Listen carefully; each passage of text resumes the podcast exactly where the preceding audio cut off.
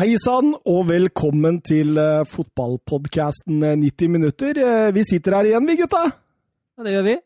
Oh yeah! yeah! Er du klar? Yes! I dag så skal jo uh, det dreie seg om VM i Frankrike i 1998. husker du det VM-et, du, eller? Eh, ja, selvfølgelig gjør jeg det. Det var, eh, det var, et nydelig mesterskap, husker jeg. Eh, jeg husker faktisk 98-VM bedre enn 2002. Eh, så det var åpenbart litt fordi Norge var der, selvfølgelig, men eh, mye artig som skjedde. Og du, Søren, hvor gammel var du? Jeg var sju, jeg husker ikke sånn supermye.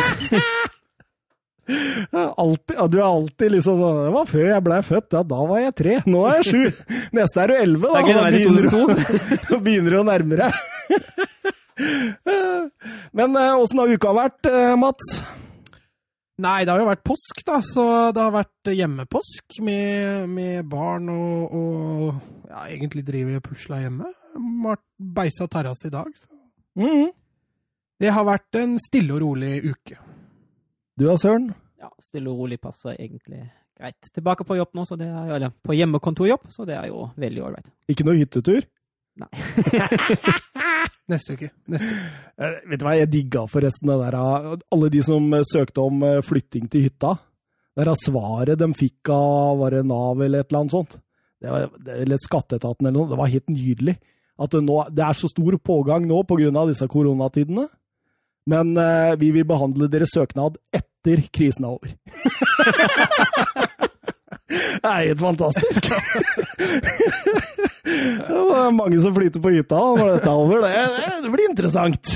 Det blir gøy. Nei, det der, vet du hva? Jeg, jeg, jeg er for litt sånn der snarveier og litt sånn, jeg er litt sånn life hacks. Det syns jeg er helt ålreit, men akkurat det der, der, det var dårlig. Skam dere. De som vil flytte til hytta? Ja, de som meldte flytting til hytta, dro til hytta og lot disse småkommunene ta støyten, liksom.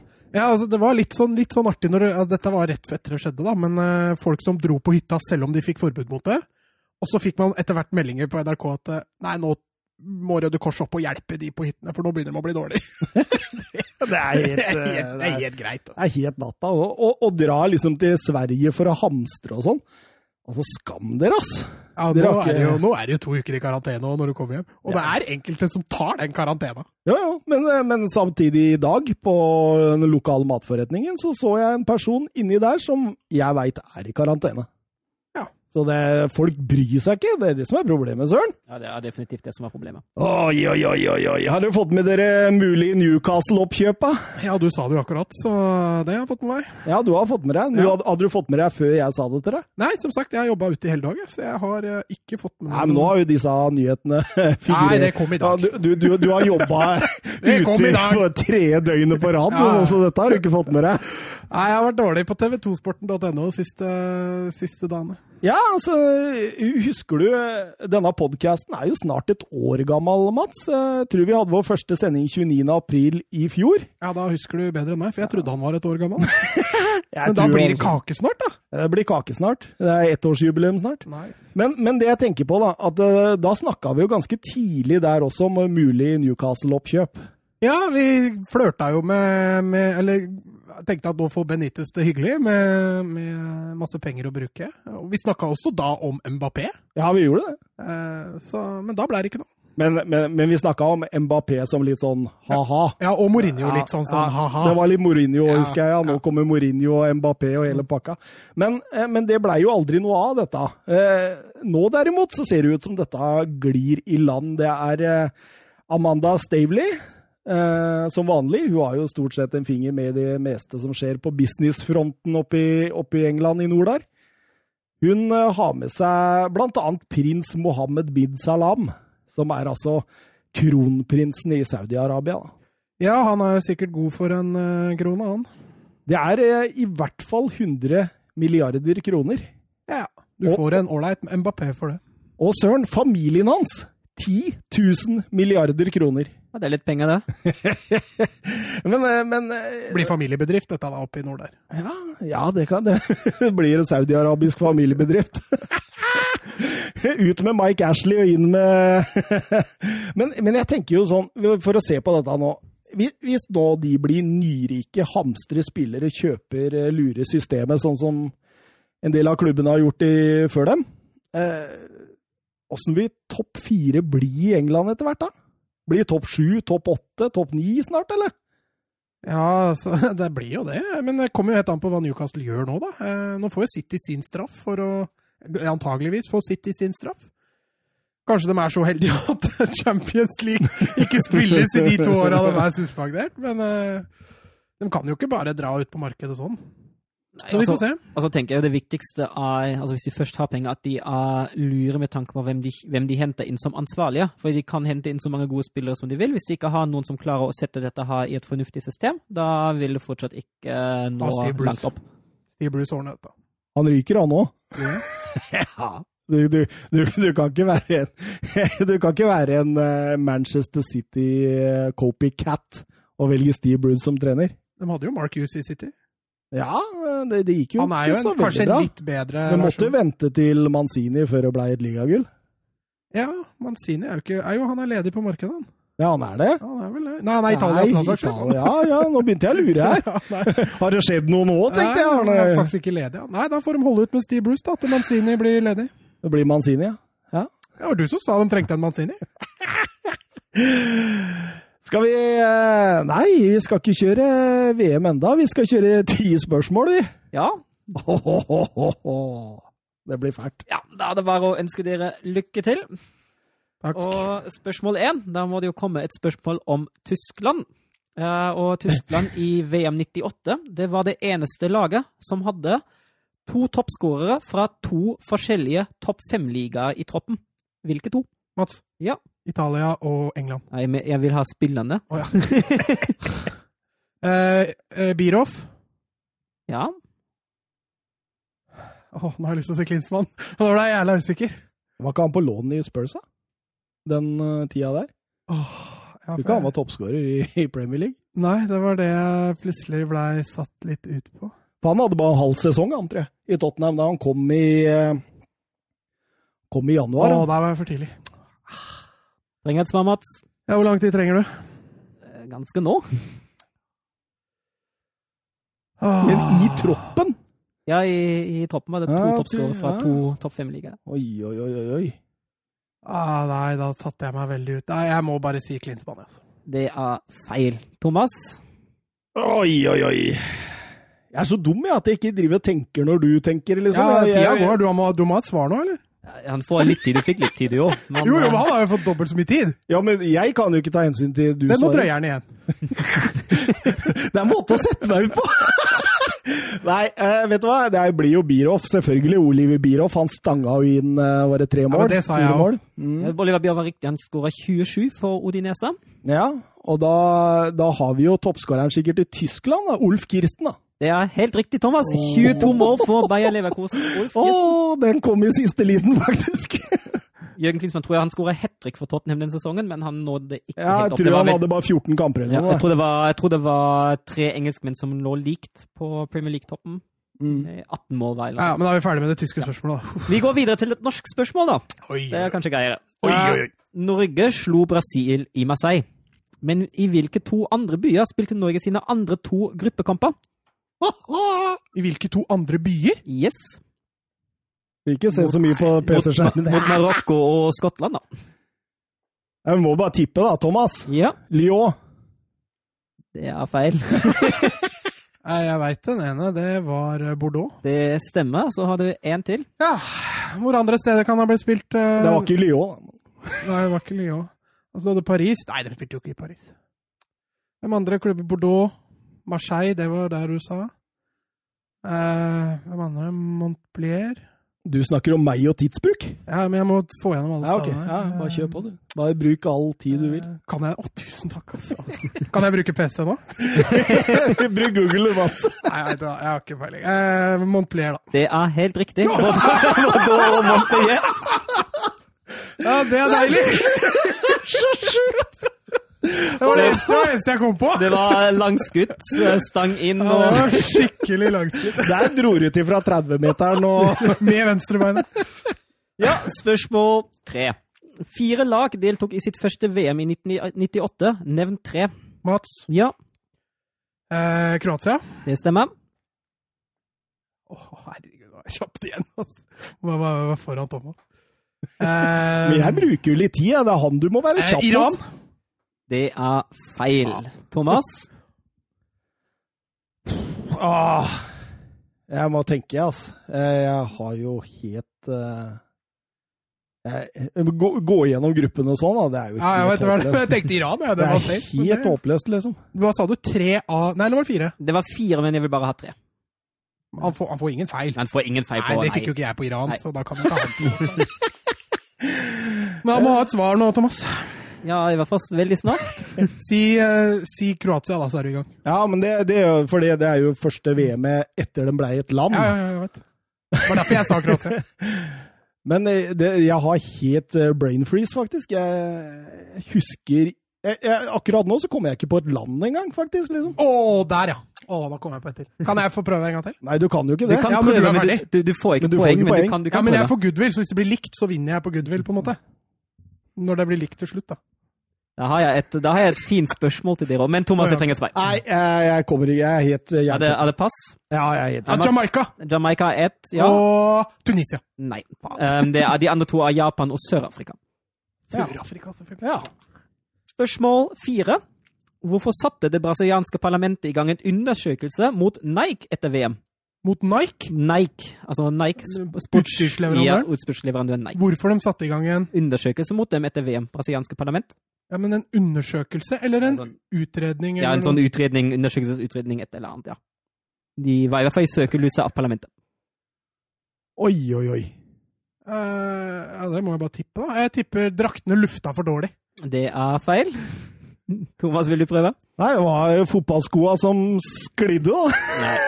Jeg har ikke feil. Nei, det var fordi det ble ryktet at sponsoren Nike presset Zagallo til å starte Ronaldo, som var skadet i Ja! finalen. Åh, det så jeg jo! Fuck, ass! Der tenkte jeg meg ikke om.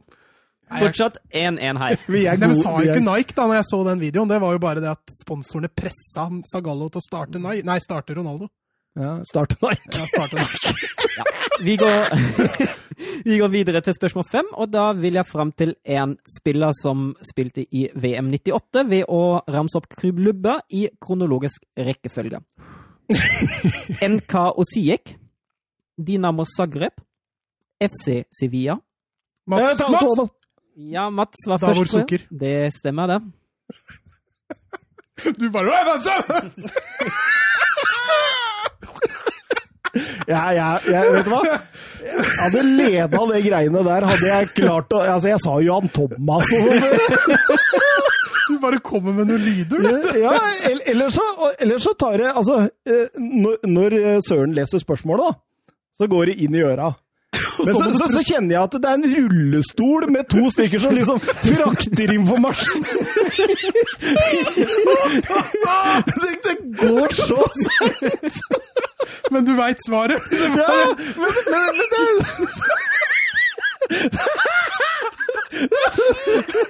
Og så med rullestol, da, gitt! Er det så god plass oppi der? Oi, ja, det, det går så seint at, at, at jeg har fem poeng. Det er, det er egentlig utrolig, det er, men, men det er jo fordi jeg har sittet og venta på at dere svarer feil veldig ofte, tror jeg. Det, går seint, altså. Åh, fucka fucka opp resten av quizen min. Ja, vi går videre til spørsmål seks. Uh, utenom straffekonka har kun én spiller bommet på en straffe. Altså en, en straffe som ikke blir tatt i straffekonka. Hvilken? Oi, oi, oi. I løpet av hele VM-et. løpet av hele VM var det Var det bare bare én én som bomma på straffe? Ja, i hvert fall hvis jeg ikke har researcha helt feil her nå. Det er ganske heftig. Oi, Kan jeg få oi, si at han er den ene som har tatt et straffespark uten å få et straffemål, da. Det stemmer i hvert fall. Ja, ja. Men jeg tror han er den som har bomma òg. Hvem kan det ha vært, da? Ja, hvem kan det ha vært, da? Eh, Kan du si så mye at dette skjedde i utslagsrundene og ikke i gruppespillet? OK, OK. OK. Kan dere få et lite hint, i hvert fall? Åh, jeg er egentlig ganske Det er, det er veldig hvitt. Altså det, det, det, altså, det blir veldig mange å tenke gjennom. Ja. Så det er liksom Kan du si at han satte den i tverrliga nå? Ja, Mats! Ja, Mijatovic. det stemmer. Pedrak Mijatovic bomma mot Nederland. Åh, nice. Oi, oi, oi. Det var greit å hinte dere litt på veien. Her blir jeg knust, altså. Jeg tror jeg har for mye info, ja, om de greiene. Gamle dama, seint. gamle dama i rullestol går, går for sakte! Spørsmål sju. Eh, etter turneringen tok Fifa ut et Alstad-lag bestående av seks, 16 spillere. Av disse 16 var to keepere. Hvilke to? Keepere? Thomas. Ja. Oi! Der sa jeg bare for å uh, To keepere. I topp 16-lag, ja. Oi, oi, oi. Jeg var jo ikke Du var ikke født? Jo, jo men jeg, altså, jeg eh, tenkte Det der veit jeg, men så har jeg blanda litt VM, faktisk. Jeg har, jeg har vel egentlig ikke sett Allstar-laget denne gangen, så jeg, jeg må jo egentlig bare, bare tippe, tror jeg. Ja. Uh, da blir det Jeg kommer jo ikke på en keeper engang. Det, det går så seint akkurat nå. Nei, men du må ha et svar, eller? Ja, etter hvert må jeg ha et svar. Etter hvert? Men kan jeg få se på hvem Nei, som gikk du kan ikke videre? få se på Nei, du kan ikke se på notatene. Nei? Du Nei. klager jo på meg hver gang Nei, men jeg ikke, ikke se på notatene, men se på hvem som gikk videre. For det, det, det, jeg har så mange klubber i Ja, men du husker eksempel hvem som sto i mål for Argentina. Ja, ja, det husker jo. jeg jo. Det husker har- jeg jo. Men, men, men, men for å komme fram til Argentina, så tar det bare lang tid. Ikke Ok, sant? ok. Ja, vi er, vi er der, altså. Ja. Slå den i bakhuet, så hun gamle dama får et, et Eh, nei, eh, nei, jeg må si pass. Altså, jeg, jeg, Du sa Thomas, og ender opp på å si ja, men jeg, jeg, trodde, ja, ja, men jeg trodde jeg skulle ha den! ja, Kan jeg få prøve, da? Du kan få prøve, Mats. Barthes var i hvert fall den ene. Barthes er riktig. Hvem var den andre? Jeg har lyst til å si Tafarell, altså, men uh... Det skulle jo ikke forundre meg om han ikke er der. Van de Sar hadde jo et fantastisk VM. Uh, nei, jeg sier Tafarell. jeg. Det er feil. Det var Chilavert. Oh, Chilavert, ja. Paraguay. Ja, Mm. ingen poeng for noen her. Thomas, du har fortsatt sjansen til å ta en Ja, seinkamp. jeg har ikke sjansen i dag. Det går for dårlig i dag, altså. Zinedine Zidane fikk et rødt kort i VM 98. Senere ble han også utvist i VM 2006. Han er dermed én av to spillere som har blitt utvist i to forskjellige VM. Hvem er den andre som også klarte å bli utvist i 1998? Og så kan jeg jo si at han ble utvist Ja, Thomas. Ja, Taribo West. det er feil. Oi. Ble Nei, han, jeg skjønte ikke spørsmålet. men han ble utvist i både i 94 og 98. Nei, det var ikke Taribo West, men du tenker i riktig bane. Men uh, uh, Ja, du snakker ikke om Rigobert Rigobert Song. Rigobert Song, ja. Det var bra. Jeg sa det likt som deg. jeg tror det poenget har gått dessverre til Mats. Ja, det gjør det. Oi, oi, oi. Tenk å, tenk å bomme der òg, da. da. Da ryker du. Når du ser den for deg, og så sier du det midtstoppermakkeren, liksom. ja.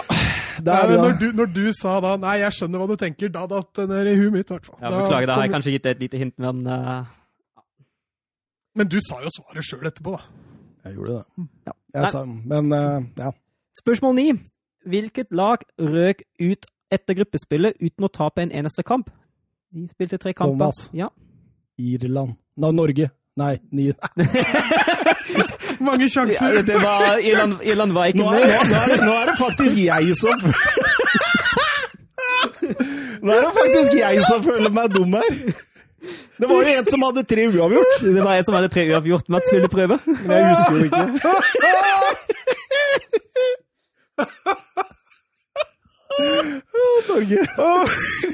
Men jeg, jeg, vet du hva? Det, det, det skjønner, vet du hva? Jeg blander 94 Ja, og nå er det fra 98 94, noe ja, ja. voldsomt nå. Ja. Irland! Nei, fy fader, nå er jeg skikkelig lattermild, altså. Åh, jeg vet, hva var det du spurte om? Ja, hvilket lag røk ut av VM etter gruppespill uten å, ta et eneste, uten å tape et, en, en eneste kamp? Ja, uten å tape neste kamp, men de Ja. vant vel heller ingen, da? Er det det du skal fram til? Altså, de røyker i hvert fall ut, uten Ja, tap. Chile hadde tre uavgjorte. Er det svaret ditt Chile? Altså, de, Ja, ja, Chile. de, ja, det var Belgia som fikk tre uavgjort. Chile kom seg videre Stemmer til åttendedelsfinalen. Ja. Belgia røyk ut etter gruppespill. Stemmer. Siste spørsmål. Eh, hvilken spiller skåret fire mål i gruppespillet og var den beste målskåreren før utslagsrunden begynte? Fire mål i gruppespillet. Ja, Og så skåra han bare ett til i utslagsrunden. Mats. Ja. Christian Vieri. Det stemmer, det. Der var det, Jeg må, jeg må lese mer sånn statistikk og sånt, jeg, altså. På de der akkurat. Der var det en overleggseier til Mats i dag. 5-1. Oi, oi, oi. Nei, den var faktisk litt overraskende, så jeg ikke komme. Det gjorde jeg, for å si det sånn. I hvert fall, i, i hvert fall ifølge de første to-tre spørsmåla. Da skjønte jeg at dette går rett vest. Nå Liksom. som jeg veit også hodet ditt funker, så Ja, Men hun gamle dama, det visste jeg faktisk ikke. Hæ? Men hun gamle dama også den, den Gamle dame? Ja, hun med rullestol. Juventus? Nei. Nei, jeg sa ikke gammel dame, jeg sa en i rullestol. Ja, ok. Bør ikke være gammel. Jeg sitter og innbiller meg ting sjøl. Ah, nei, det der, der er bare å glemme. Det Jeg blanda mye 94 nå, altså. Ja, Det, det, det, begge turneringene gikk i huet på meg, liksom.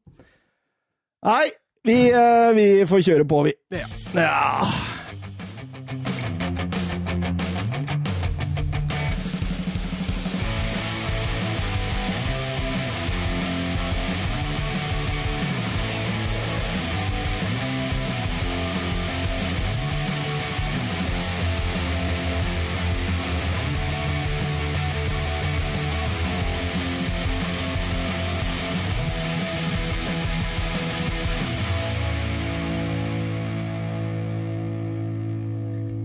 Ja, da var, var vi tilbake etter introen. Mats har slutta å le, eller? Ja, eh, så vidt. Det er godt å glede deg da, i disse Ja, triste Det der var tider. den mest hysteriske ti spørsmål vi noen gang hadde. Jeg har aldri hatt det så gøy under ti spørsmål. Både fikk jeg vinne og le så mye. Det Og det verste er at Søren sier under eh, intromusikken der at han så meg som en favoritt på, ut ifra ja, spørsmål. Ja, Han undervurderte meg tydeligvis veldig der. Jeg gjorde det. Men, men, men det første du sier når vi kommer inn i rommet, er at jeg, jeg er ikke så godt forberedt i dag. Nei, det har jo vært jeg driver med en del andre ting. Men jeg, klart, jeg kan jo litt fotball fra før, da, men den Pedrag Mijatovic og sånn, det, det har jeg akkurat sittet og sett på. Da. Ja, ikke sant? ikke sant? Mens jeg liksom Jeg la bort researchen for to dager siden. Ja, ja. Så jeg har to dager hvor jeg liksom ikke har fulgt med i det hele tatt. Eh, Men, men. Det er godt jeg har notater, sier jeg bare. ja, ja. Du, tar, du veier opp nå under sendinga, tenker jeg. Du får briljere da. Vi skal jo til VM i Frankrike i 1998. Det er jo et VM som veldig mange nordmenn husker, da, for det var jo den såkalte Norge-Brasil-oppgjøret. Du, du sitter og flirer ennå, du! Ja, tenker på den der rullestolen oppi huet ditt. Er så hysterisk. Så, som har blitt hun gamle dama. Ja, som har blitt Nei, jeg er faktisk jeg, blir ikke kvitt det bildet på huet. Bare ser den. Du sitter og veiver hun gamle dama framover. Dette blir en eh, bra sending når Mats allerede er der. Du husker jo etter helikopterfeiringa til Søren. Men eh, det var VM nummer 16 i rekken, og det ble holdt i Frankrike fra 10. juni til eh, 12. juli 1998. Det var andre gang Frankrike holdt eh, VM. Første var i 1938. Eh, og det var første VM også under Blatter. Sepp Blatter, etter han tok over. Den sniken. Ja, han er jo ganske sagnomsust, han. Han er vel det. Og turneringsformatet, det endra seg, Søren. Ja, det ble plutselig åtte lag med. Så ja, det ble to flere grupper. Eh, ikke noen flere gruppetreere som skulle videre, bare de første to. Det er jo sikkert på en måte greit at man har ganske tydelig oppsett rett etter at gruppespillet er ferdig og ikke må vente på andre.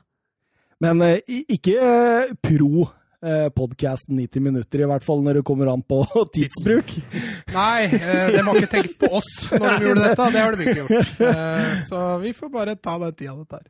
Eh, men dette VM-et her avslutta jo den der beste treer. Eh, Blei litt press på Argentina, da, som har gått videre som beste treer to, to VM på rad. Ja, de har jo altså ikke flaksa seg videre, men de har jo gått videre den døra hele veien. Det VM-et her skulle jo gå mye gli, gli litt lettere i gruppespillet, så de trengte ikke noe treer for å gå videre nå. Nei, heldigvis ikke. Eh, Vi går over til gruppa A. vi. Det var jo gruppa Norge, Brasil, eh, Marokko og eh, Skottland, det. Eh, ja. Brasil, regjerende mester. En del eh, nye markante ansikt også i troppen etter triumfen i 94. Roberto Carlos kom inn, en Rivaldo, eh, Denilson, eh, for ikke snakke om eh, Han var vel kanskje med i troppen han eh, i, eh, i 94, men i 98 jeg tenker på Ronaldo. Ja, også Bebeto var jo egentlig ikke tatt ut til, uh, tatt ut til VM. Han kom jo med på overtid. Uh, og skulle vise seg å bli en ganske viktig brikke. Ja, og til gjengjeld sitter Romario hjemme. Han hadde vel en liten skadesituasjon, og så var Zagallo litt på glid om han skulle ta han med eller ikke. Og så hadde Siko, da var han assistent, sagt at han i 86 hadde en lignende situasjon, og så mente han egentlig han ble tatt med, og så mente han at han gjorde egentlig hele laget dårligere. Og da var Zagalos avgjørelse tatt om å la Romario være hjemme, og ryktene sier at Zico og Romario fram til denne dagen ikke har blitt venner. Ja. Eh, åpner jo, Brasil åpner jo mot Skottland. Eh, får jo en fantastisk start når eh, Cæsar Sampaio header inn 1-0 der etter bare fire minutter. Ja, kjappeste skåring noensinne i en åpningskamp i VM. Ja, fantastisk. Det er jo skremmende markeringsspiller, da. Herre min hatt. Kommer inn på der, første der, ja. Men det var veldig gøy å se Colin Henry igjen. Ja, det... det var virkelig nostalgi, altså. For en gammel, god Blackburn-supporter så var det ja, Det var jo midtstopperparet Calderwood og Henry fra Tottenham og Blackburn der. Ja, og så altså er det liksom veldig godt gammeldags britisk stoppepar, altså. Mm. Ronaldo lekte jo med dem. Tidvis. Men uh, John Collins han uh, triller likevel inn 1-1. Ja, fra, fra 11-meteren så utligner han. Og så eh, et selvmål da, av Tom Boyd, som Veldig uheldig der. Han uh, blir jo blir truffet av frityren som kommer fra keeperen. Har ikke sjanse til å komme seg unna fort nok. Da blir det mål. Da blir det mål. Og uh, neste kamp var jo Marokko. Det var jo greit 3-0. Uh, eller Feno Altså, hva, hva, er det han heter igjen? Feno, El Fenomeno. El Fenomeno. Ja. Det er det han blir kalt. Han heter det ikke, kanskje? Nei, han... Det er ikke, er ikke, det er ikke døpernavnet. El Fenominio. Ja, han eh, dunker jo inn 1-0 eh, der, og 2-0 rett for pause. Eh, Bebeto 3-0. Strålende eh, spill av Brasil i den kampen. Og de egentlig avgjorde jo alt før de møter Norge. Ja, de var jo gruppevinnere før de møtte Norge. sånn at ja, denne, For nordmenn så er dette en kamp som definerer eh, norsk fotball, egentlig. Eh, dette er den største kampen norsk fotball noen gang har levert. Eh, mm. Og da sitte og tenke litt på at Brasil kanskje spilte på 80 det, det er ingen i Norge som nevner. Det er jo ikke det. Og jeg, det var akkurat det samme jeg tenkte på her også, at du ser jo egentlig at man har sluppet seg litt ned. Man må være så ærlig. Ja. Selv om det var ekstremt morsomt når dette skjedde. Ja, Arne Skeie, han eh, er vel Altså, de orda går igjen. Altså, er det straffespark? Mm. Er det straffespark her, dere?! Nei, det var ikke det han sa. Nei, det er det straffespark? Og så sier Lars Kjernås. Ja, det er det! ja, det er. er. det straffespark?! Ja, det er det! Sånn sier de tre-fire ganger. Ja, ja. Og så kommer jo da den du dro fram i stad, med Kjetil Reknes. Han, ja, han, sier, han, han går helt i Ja, han går helt i Det er nydelig. Det er helt fantastisk. Norsk eh, kommentering på sitt aller, aller beste. Arne Skeie. En eh, stor applaus til han. Altså, jeg, jeg, vokste opp med Arne, jeg vet. Ja, men jeg tror ikke han hadde vært så bra i dag. Nei! Han var liksom 90-tallets ja. stemme på fotballen. Jeg, jeg, jeg veit heller ikke hvor god på en måte eh, Altså, han var jo en formidler. Mm. Ikke sant? Jeg, jeg, er ikke helt sikker på om han hadde liksom kunnet gått inn i en kamp og analysert den. Nei, og så tror jeg nok Altså, han var jo ikke veldig kritisk. Nei. En kommentator i dag kan være mer kritisk, og man vil at kommentatoren skal være litt mer kritisk. Arne Skeie kunne jo ikke finne på å si noe stygt om noen, så Nydelig type. Det hadde jo ikke funka i dag. Nydelig type. Eh, Norge, da, eh, var jo med i VM for tredje gang, var det ikke det? Eh, ja, etter 34 og 94. Ja. Eh, Thorstvedt uh, ute, Grodås inn. Kaptein og greier. Kaptein, kaptein. Eh, en helt ny angrepsrekke òg. Fjørtoft, Rushfeldt og Sørloth var jo skifta ut med Flo, Østenstad og Solskjær. Ellers så, så det ganske likt ut som i 94. Det eneste jeg eh, husker, husker at jeg stussa på også da, er eh, Henning Berg på høyrebekk. Mm. Eh, ja, han er jo selvfølgelig kanskje den beste defensive høyrebekken, men eh, få offensive bidrag. Eh, og er jo absolutt ingen typisk bekk offensivt. Nei, det, han er jo ikke det, men han, hadde, han jeg ville jo ha inn Dan Eggen inn ja. der. ikke sant? Og da Berg hadde jo eh, erfaringa fra høyrebekken fra Blackburn-tida og sånt. Mm. Så eh, ja. Nei, offensivt så var det vel ikke strålende, men defensivt så holdt det altså, noen mål. Mot Brasil, da, fram til Brasil skåra, så var det jo veldig bra. Mm. Uh, og det fungerte jo perfekt. Men du så også mot Skottland og Marokko, da, som Norge spilte mot, hadde jo, der hadde de jo kamper hvor de kanskje burde prega kampene enda mer. og det Med en bekk på sida der som kunne bidratt litt mer offensivt, så kunne kanskje Norge ha bitt litt mer fra seg. Ja, for det blir 2-2 mot Marokko. Eh, Marokko heldig, leder kampen to ganger òg. Ja, og så var det to keepertabber eh, som var svake i feltet der. Uh, ja, så det var, det var litt ja, heldig. Ja, den, men det selvmålet der òg, da. Altså, snakk om å kløne det til, da. Skippo. Altså, ja, han, han, han, han er jo ikke Jeg veit ikke hva han tenker på der. Nei. Han header den jo rett i eget mål. Ja, det, det, var, ja, det stemmer, det. Det er han Josef Schippo, det. Det er nydelig. Eh, Er det han gamle Coventry Ja, vi har i hvert fall spilt i Porto, veit jeg. Hvilken var i Porto? Ja, har han i hvert fall fra Porto. Men det er ikke feil å si heller at Norge blir rundspilt mot uh, Skottland. Nei, og spesielt ikke i starten. Nei, absolutt ikke. Jeg syns skottene var egentlig klart best. Skulle vel også fått med seg straffespark der, når Bjørneby meier ned Gordon Dury. At, uh, men det ser ut som uh, han trekker den ut istedenfor inn, så det ble ikke noe straffespark. Heldigvis for Norge. Uh, Hadda kommer alene også mot Grodås uti der og setter 2-1. og Ja, Nå er du tilbake på Marokko-matchen. Ja. Ja. Før Dan Eggen stuper inn 2-2 der. Eh, det, det, det, hva, hva, hva, tenker dere om Norge sin, i, i, forhold til åssen gruppa var, og forventningen? Og... Altså, egentlig burde jo Norge være bedre mot både Marokko og Skottland enn de har vært. De burde jo i hvert fall klare å vinne minst én av de to, kanskje til og med begge to, selv om den troppen Norge hadde på den tida. Mm. Ja, altså, Det var ikke mot Brasil Norge skulle vinne. Det Nei. var ikke der de skulle hente trepoengeren sin. Uh, så det var nok litt skuffende når de Og Egil Olsen sa jo også det uh, i ettertid, at uh, når Brasil skåra 1-0 der, så var han helt sikker på at, han hadde øde, at Norge var ute. Sånn at det var litt skuffende, tror jeg, nok at Norge ikke greide å få med seg mer enn to poeng fra de to første kampene. Ja. Men det blei noe avansement, da.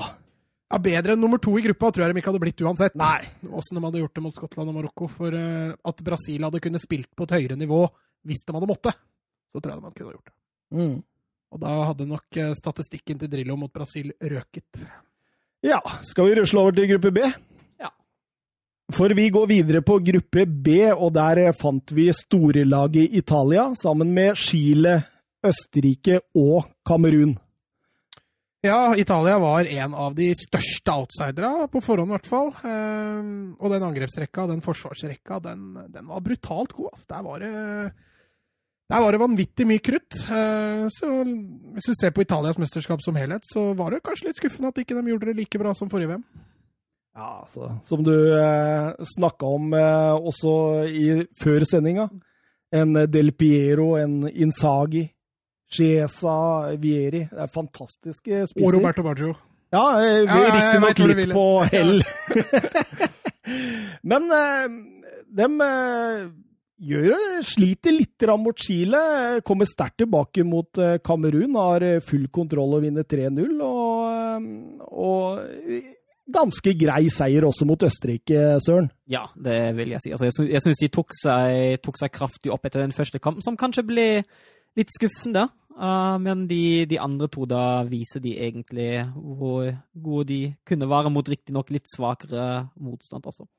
Jeg nevner Chiles angrepsrekke, da. Den er deilig, altså, med Samarano og, og Salas. Det, det er fantastisk hvordan Chile får fram spisser eh, gang etter gang. Ja, altså, og, så syns jeg er imponerende med den chilenske troppen. Det er, det er Samorano i Inter, det er Salas i River Plate, og så er det en spiller i USA. Det er Vega og Estai i eh, Mexico som spiller, og resten av den troppen spiller faktisk hjemme i den chilenske ligaen. Det er sterkt. Det er sterkt, ja. Helt Det enig. gikk videre òg. Ja, gjorde det. Det er, ja, dem gikk videre, ja. Eh,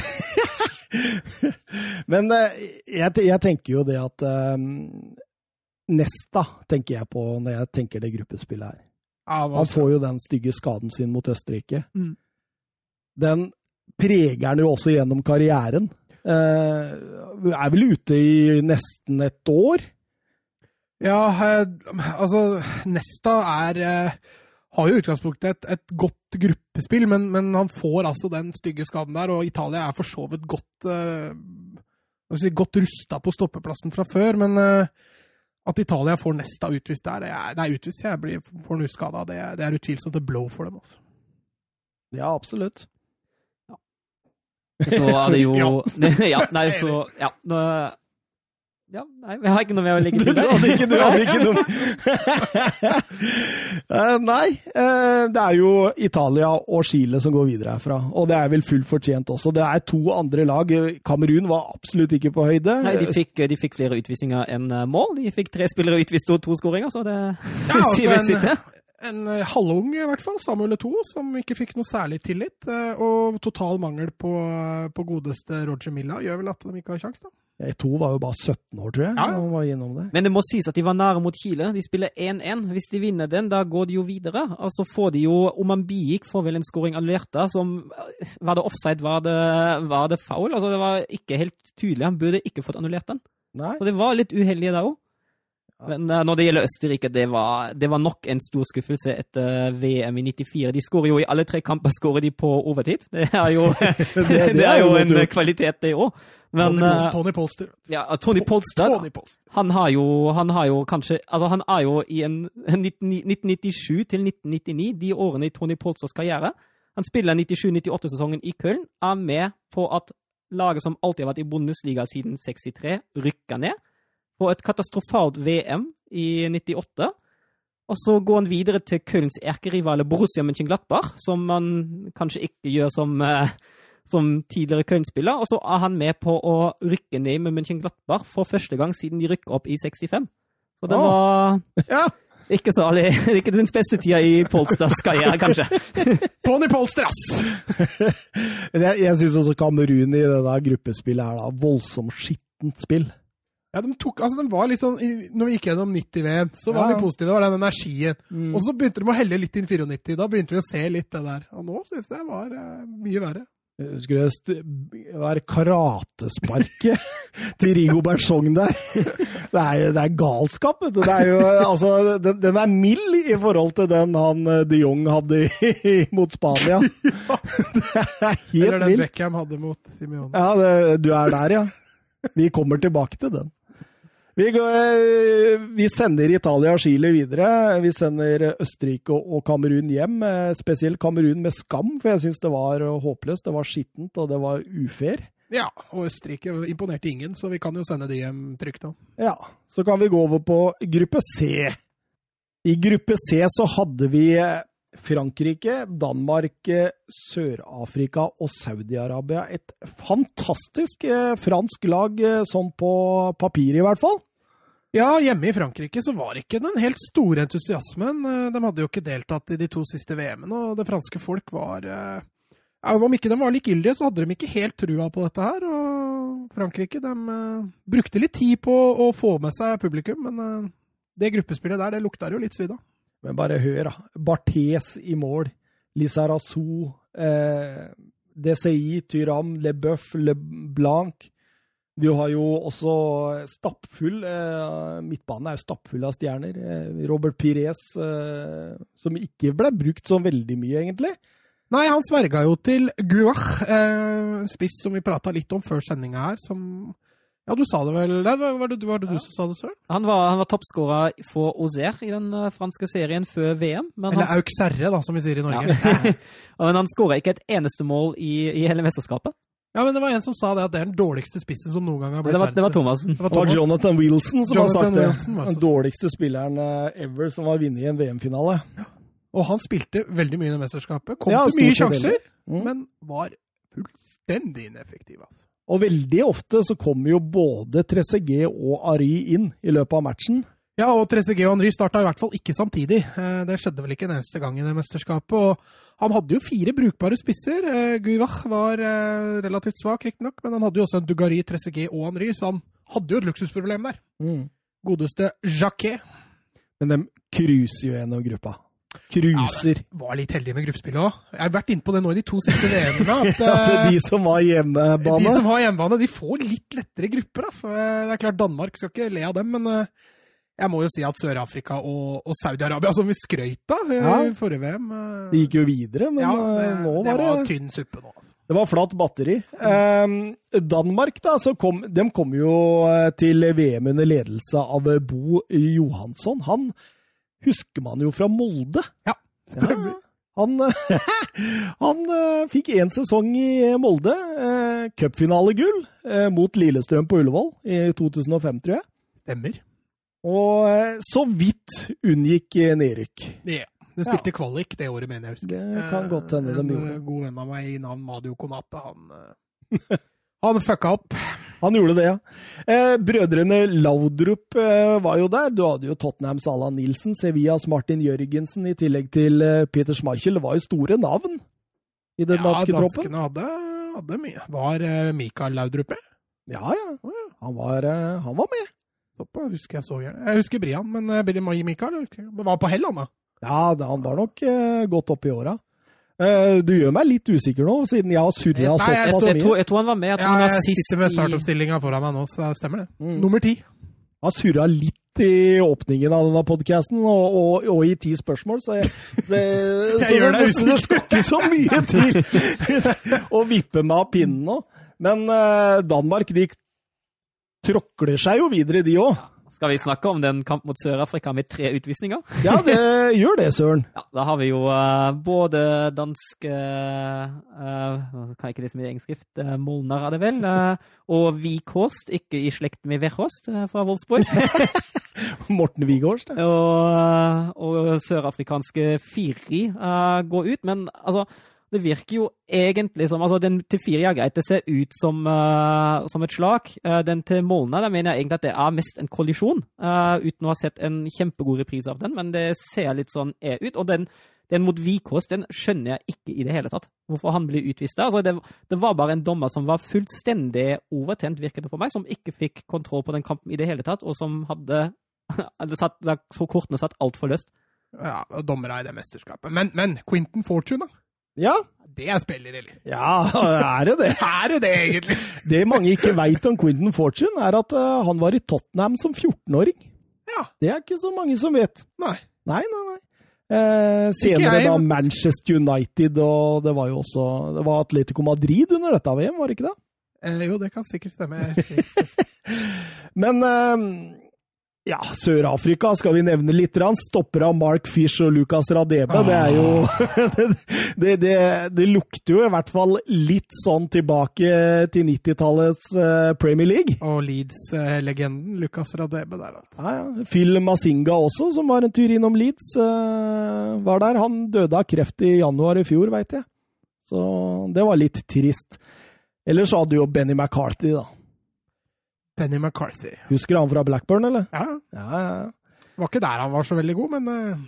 Tapte jo 3-0 mot Frankrike, blei 1-1 i den kampen uh, Søren snakka om, med tre røde kort, og eh, ja uh, Det blei vel ikke noe helt eh, 2-2 mot Sør-Afrika? Nei, det blei Altså, hvem snakker du om nå? Danmark? Nei, Sør- Sør- Saudi-Arabia, mener jeg.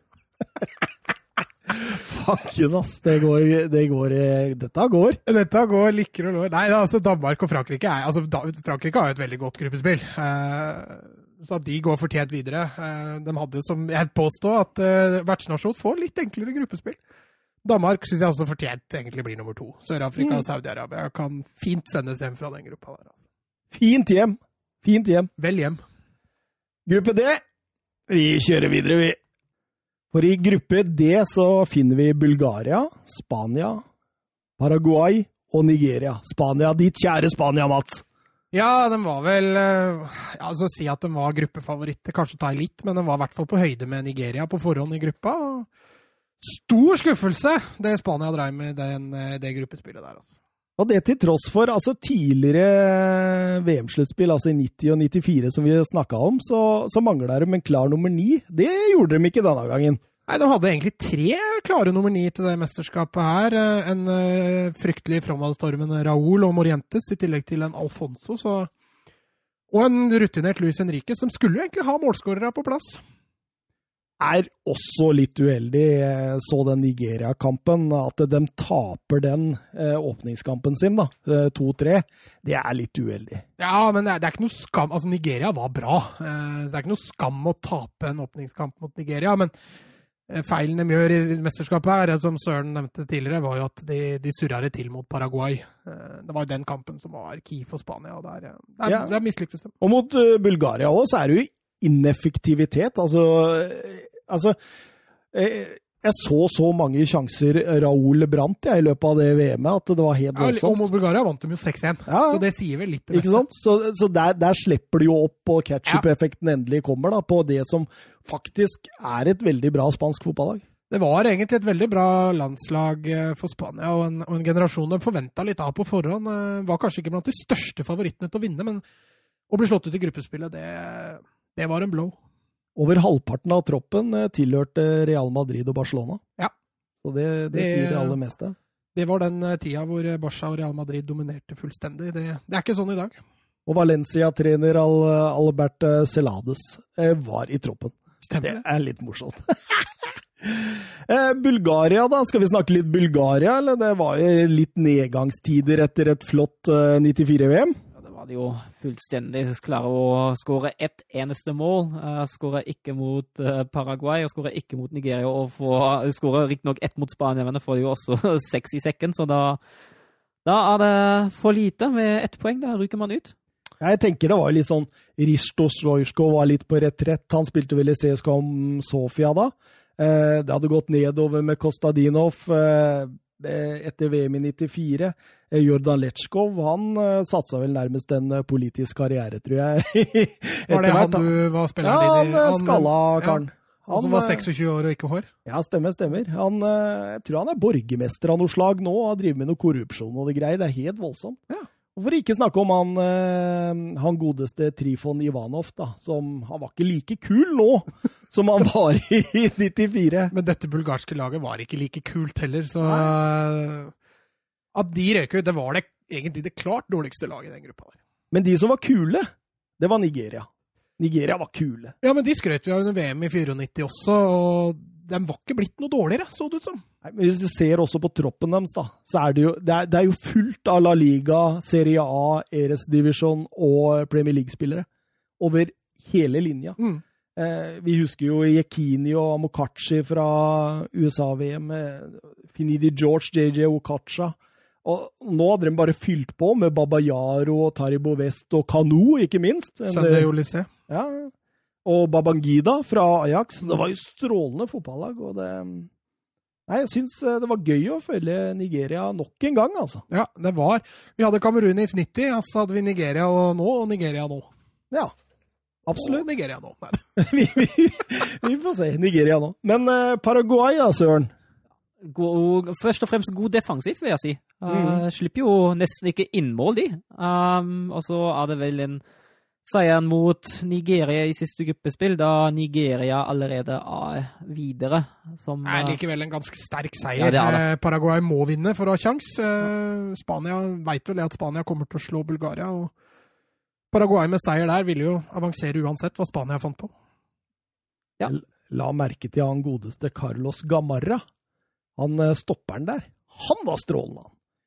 Han rensa mye. Han Hvor er det han spilte hen der? Eh, hvor hvor av åssen klubb? I hvilken klubb? Ja, det er jeg litt usikker på. Jeg bare la merke til på, på researchen, at han var utrolig god til å dekke rom og Ja, han fighte var, jeg også husker at han var strålende, men jeg glemte å gå og sjekke hvilken klubb han spilte for. Oi, oi, oi. Nei, det, det er sikkert noe paraguayansk. Paraguayansk? Paraguayansk. Men Chilavert, ja. vi må snakke litt Chilavert, hæ? Gøy å se at han kommer fram mot Bulgaria og tar det frispark der mot slutten. Godt slått òg, det går jo nesten inn. Han skåra vel åtte mål for, for landslaget sitt gjennom karrieren. Og 46 klubbskåringer har han. Er Altså- skårer. Men, men jeg trodde at eh, han var litt klovn. Men eh, sånn Ja, før for- researchen. Ja. Men han var fantastisk. Mm. Eh, altså, altså, han ble kåra til verdens beste keeper av Fifa i 1995, 97 og 98. Han er med i eh, altså sånn legendeklubb, sånn Fifa-legendeklubb. Som han, eh, som han har også fått en haug av priser opp gjennom tida. For fantastisk. Men han var jo aldri noe i Europa, omtrent.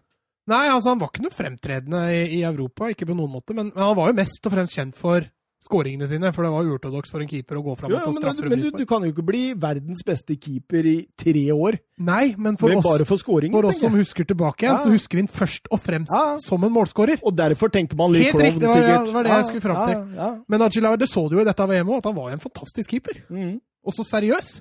Han var jo captain. Og Søren nevnte jo også frisparket mot Bulgaria. Det var jo strålende. Det var jo så vidt eh, han godeste Slatko Slatko, eller hva han heter, han keeperen der, fikk rensa han over. Eh, det blei da sånn, da. At Spania røyk. Ja, de fikk den sure tredjeplassen som nå ikke lenger ga noe avansement. Og Paraguay og Nigeria de seila videre. Gratulerer med det, si. Ja.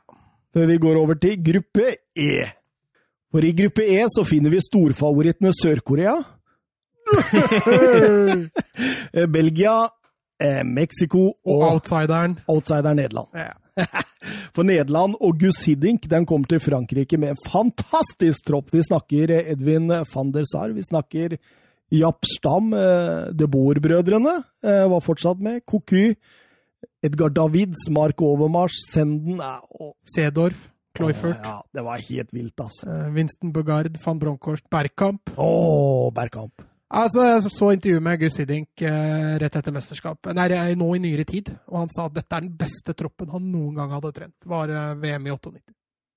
Og Han har, det tre- kan han har trent noen lag. Ja, det, det kan jeg nesten forstå når du ser det laget. og Jeg, jeg syns det var så nydelig å se dem spille fotball, for det, alt var, det var så dynamisk. Ja, altså, Kampen mot Belgia i gruppespillet var, var litt trå, men uh, utover mesterskapet så Fytti rakkeren, altså. Og Berkamp, for et mesterskap. Altså, Ja, det var helt strålende. altså Han er uh, en av et par spillere veldig nære å utfordre Ronaldo om uh, gruppen, nei, om turneringas beste spiller, for han var uh, lysende. Ja, helt enig med deg. Ja, jeg, jeg, jeg, kunne faktisk Altså, de, de gikk så langt at jeg bare måtte søke YouTube-filmer med Dennis Bergkamp. Ja, altså Han Og- har en tyngdeoverføring som er så, åh, er så deilig. Altså. Det er helt fantastisk, altså. Og at Nederland eh, seg gjennom gruppa. Eller, ja, det, det blei jo bare én seier, da. Men, Jeg syns de eh, sleit mot Belgia. Eh, Der hadde de litt trøbbel, spesielt eh, offensivt. De klarer jo ikke å skape sånn voldsomt mye store sjanser, men, eh, men de er jo det beste laget. Eh, Og Kloifert får rødt kort. Og Kloifert avslutter jo seint, riktignok. Får rødt kort litt seint i kampen. men, eh, Colina? Stemmer. The Mad, Mad eh, Hva de kalte den? Mad Professor? eller Ja, det var vel noe sånt. Ja, eh, så han, eh, han styrte butikken i den matchen. Eh, Men eh, ja, han fikk ikke fullføre Kloifert. Men jeg, jeg flirer litt av Sør-Korea og hvor defensivt de gikk ut mot Nederland. Det var nesten sånn Og når målet kommer der etter 37 minutter, eh, det er vel Koki. Koky, så, så, så bare løsner det. Og da Mark Overmars eh, 2-0 etter hvert, og eh, Bergkamp. Van Hooydonk. Van Hooydonk ikke minst, så det bare drar på seg. Men en ting som jeg også stussa litt på Altså Jeg husker liksom De Boer-brødrene. Mm. Frank De Boer husker jeg, ja, han var den beste. Ja. Og det var han jo for så vidt. Men jeg så det mesterskapet her, tenkte oi, Ronald, Boer var fader ikke dårlig, Ja. Han var god. Han var jaggu bra! Og i en, jeg husker ikke hvilken kamp det var, så sier også kommentatoren, det er helt på slutten av uh, turneringa, om det kan ha vært kvartfinalen eller semifinalen, at uh, Ronald de Boer har hatt et fantastisk mesterskap, Ja. han. Så det er åpenbart at han Jeg er enig med han kommentatoren. Mm, Absolutt. Eh, Mexico eh, kom jo A-poeng faktisk eh, videre fra gruppa da, med Nederland.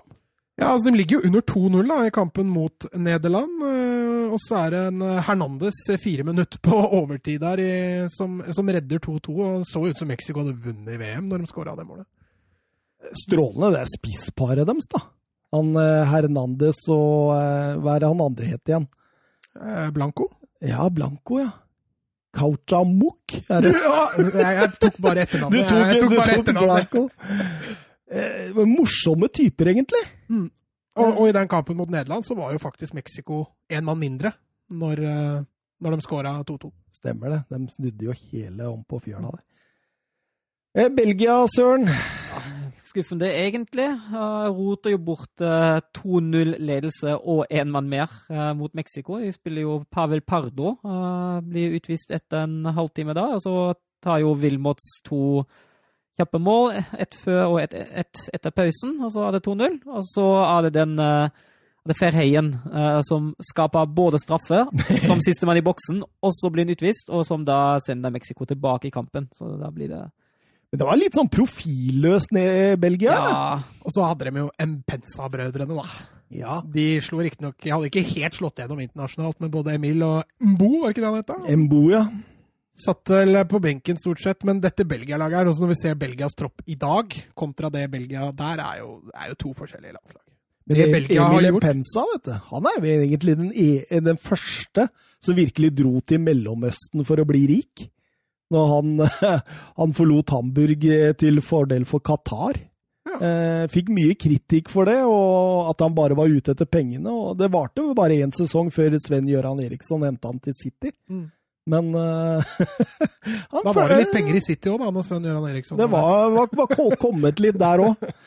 Men uh, en av de første altså, som dro nedover der og liksom på en måte sa at uh, nå skal vi ikke spille på øverste nivå, nå Skal vi tjene penger. Mm. Sør-Korea, det var jo en tropp med spillere fra sørkoreansk liga. Jeg, jeg kunne ikke dra var- så mye Det var ingen Heng Min Son der.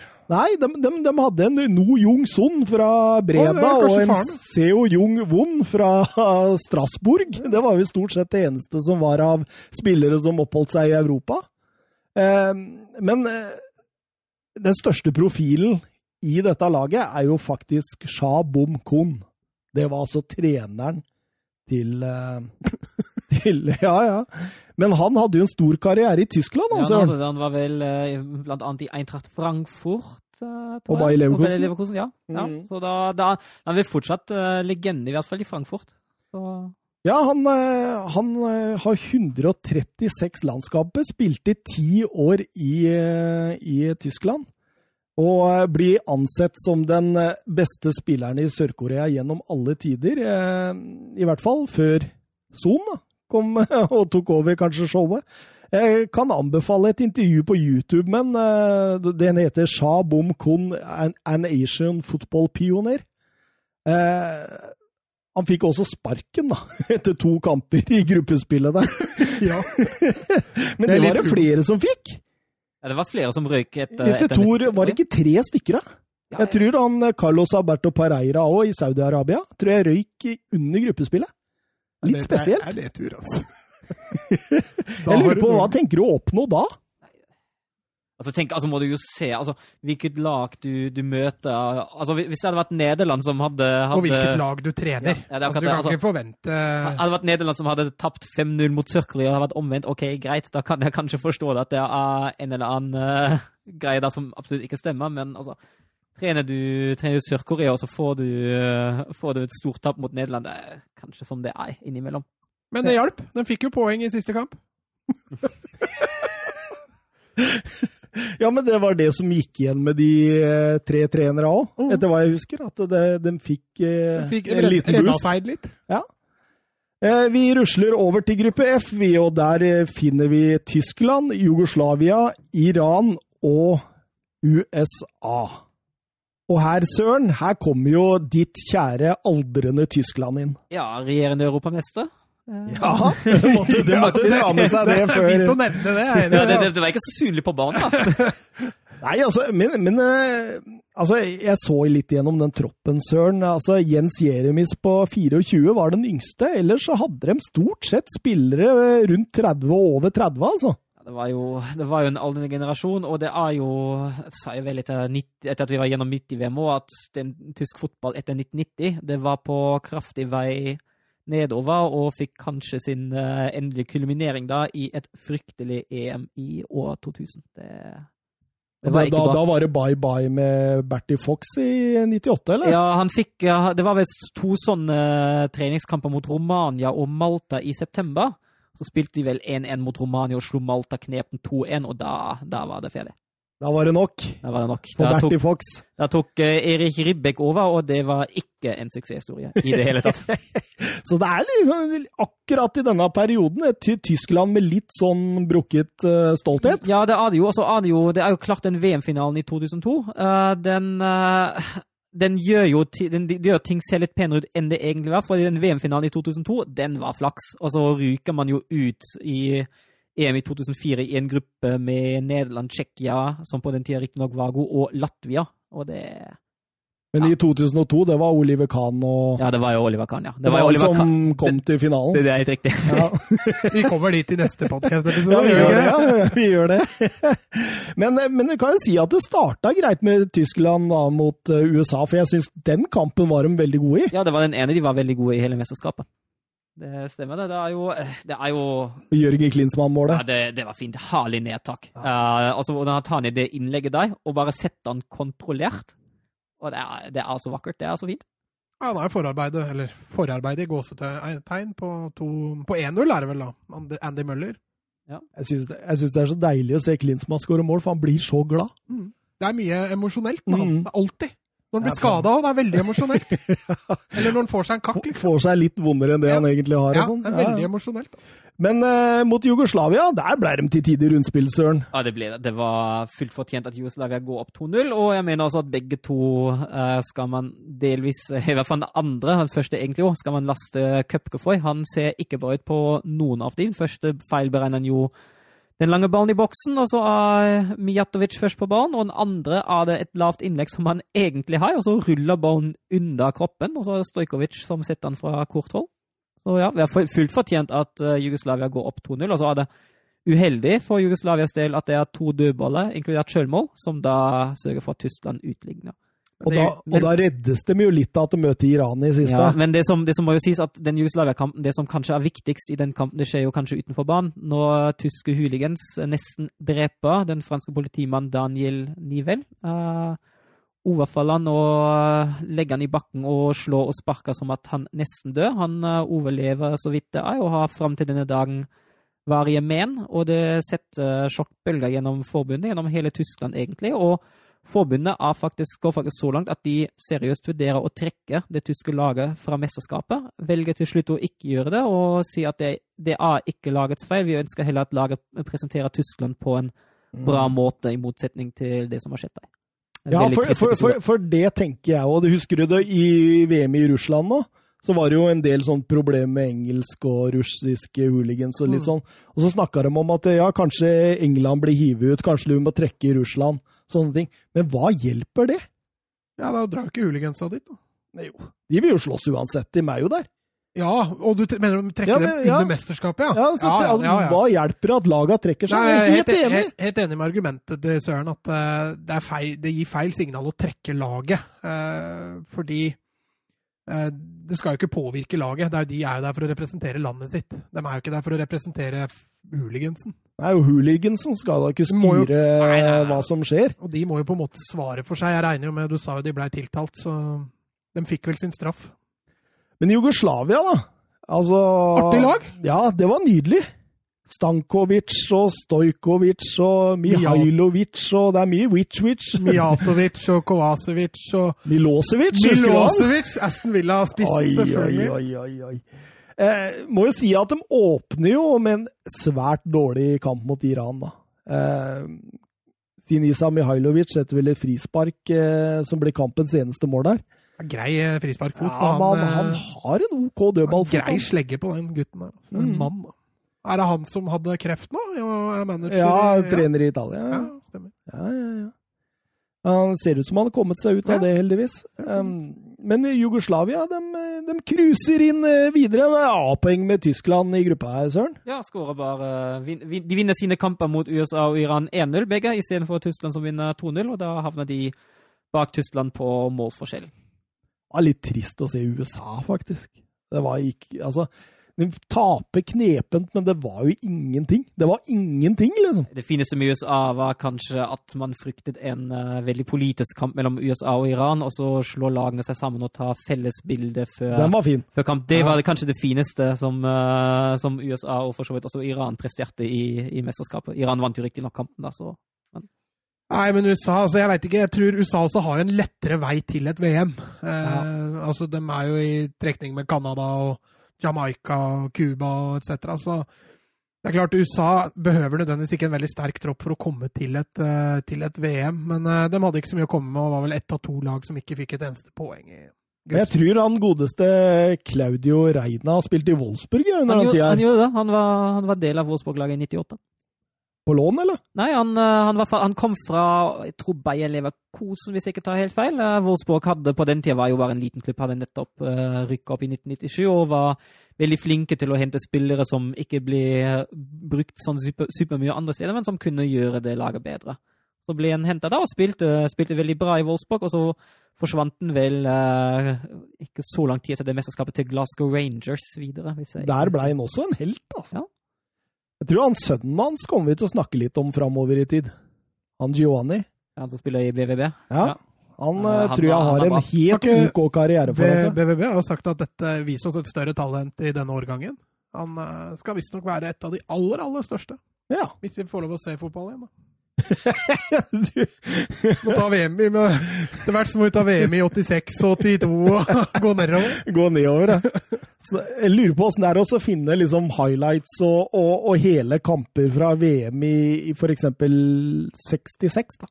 Ja, VM 66 går greit, det har vært for finalen av, som helhet, men hvis du går tilbake til f.eks. 54, eh, det som i Tyskland heter Mir Mirakelet fra Bern, der Tyskland slo Ungarn 3-2, jeg tror ikke det finnes som helhet i en kamp i det Ja. hele tatt.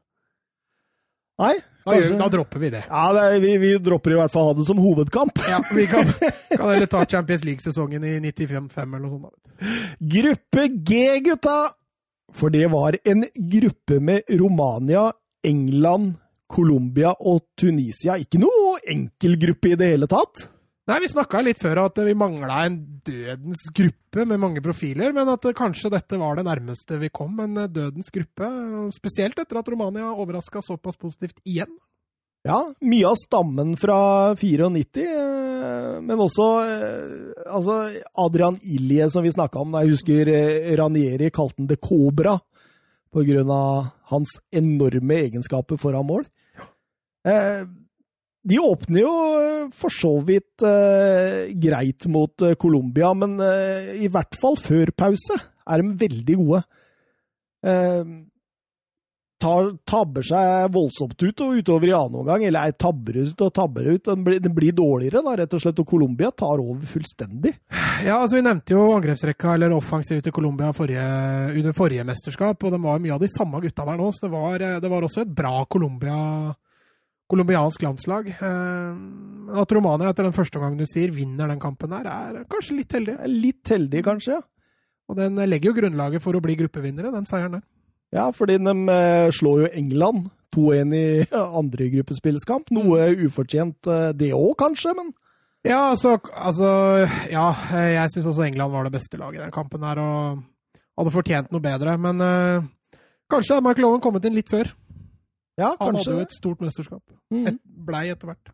Skjebnesvangert eh, duellen mellom Chelsea-bekkene Dan Petescu og Graham Lesaux på slutten der eh, avgjøre. Eh, Petescu lurer eh, Lesaux Mm. og setter eh, 2-1 til Romania der. Jeg kan vi stille litt spørsmålstegn ved keeperspillet til Simen da også. Det var ikke helt, eh, helt øverste hylle heller. Det var vel ikke det. Men David Seaman altså, Åssen husker du David Seaman? Hestehale. Han hadde ikke hestehale i det mesterskapet, så det Ja, men ikke sant, det er det. Du går på utseendet før Ja, det er du akkurat det. går på keeperregelskapet Og så husker, husker jeg den ene sinnssyke redninga han har for Arsenal. Da Ja, i han, eh, FA Cup-finalen. Ja, da han kaster seg bak og skraper han med fingertuppene fra streken. Den er, den er nydelig. Det første jeg tenker på, det er Lee Dixon sitt selvmål. Husker Når du tenker på David. Ja, ja, fordi han skal jo legge den tilbake Ja, fra en rundt 30 meter. Det blir jo lompe. Så går det, da- det går en sånn nydelig bue over den, og i krysset. Det er, Ja, fin, fin scoring, det der. det er bra å skåre sjølmål fra 30 meter.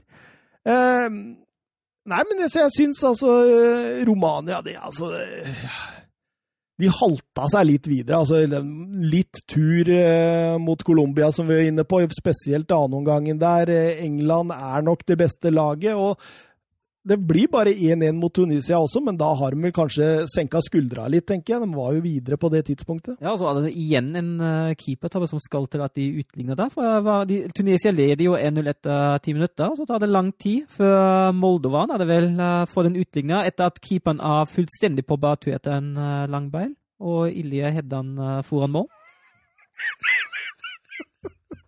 Jeg sa, jeg sa ingenting. Ja, men jeg, jeg så Sa du langbein?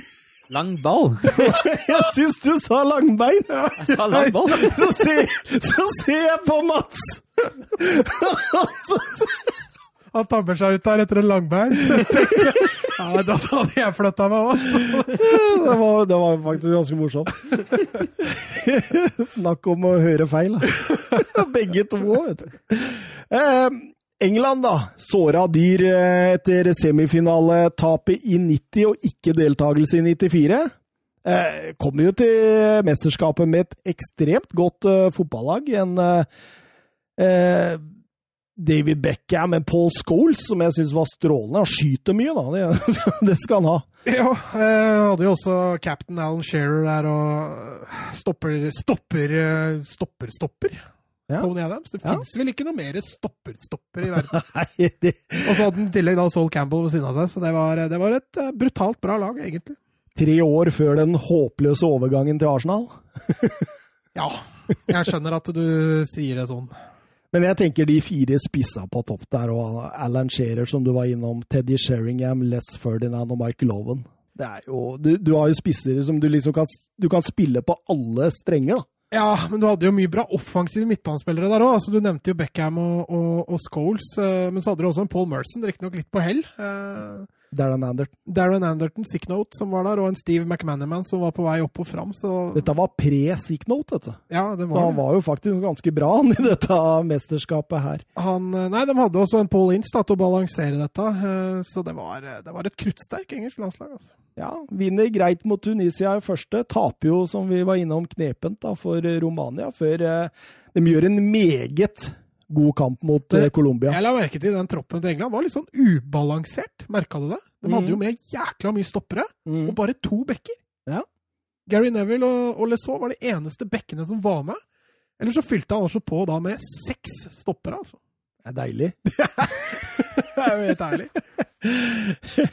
Men eh, ja, det blir eh, Romania og England som går videre fra gruppa. Colombia eh, Ingen ble skutt, i hvert fall. Nei, og det er kanskje det viktigste der i denne tida her. De kommer jo fra et fryktelig VM med et mageplask ut og Escobar-drap. Men eh, Fortsatt veldig morsomt å se på Fastino Asprila. da. Ja, det er litt sånn nostalgi å se litt på han. Han er, eh, har en herlig energisk eh, spillestil og er eh, en klassisk søramerikansk nummer ni. Og så, eh, Jeg kikka gjennom troppen til Tunisia. Det, det var ikke akkurat laget jeg gadd å, å bry meg så veldig mye om. Men så fant jeg Hatem Trebe Trebalsi. Husker du han? Ja. Fra Ajax og Manchester City. Husker Han han var så klar Arsenal, han. Hadde Pro Evolution Soccer, vet du, det spillet. Hadde jo han i Arsenal hele den sesongen som han eh, egentlig var i Ajax. Mm. Det, er litt sånn- det, blir akkurat som eh, FM i dag, da. Hvis du skal ha en spiller som ikke er der i det hele tatt. Som aldri har vært i klubben. Han er bare der fra spillet. Det er litt artig. Men eh, nei.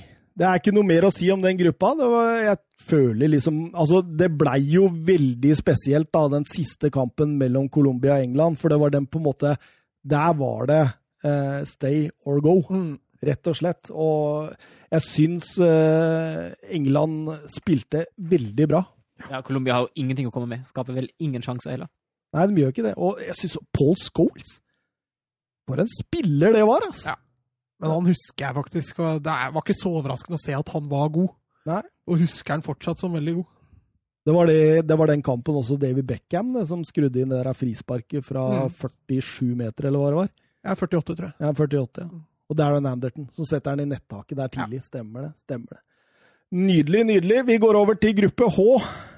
Gruppe H besto av eh, Argentina, Kroatia, Jamaica og Japan. Det vil si at det var to ganske klare favoritter der, eller?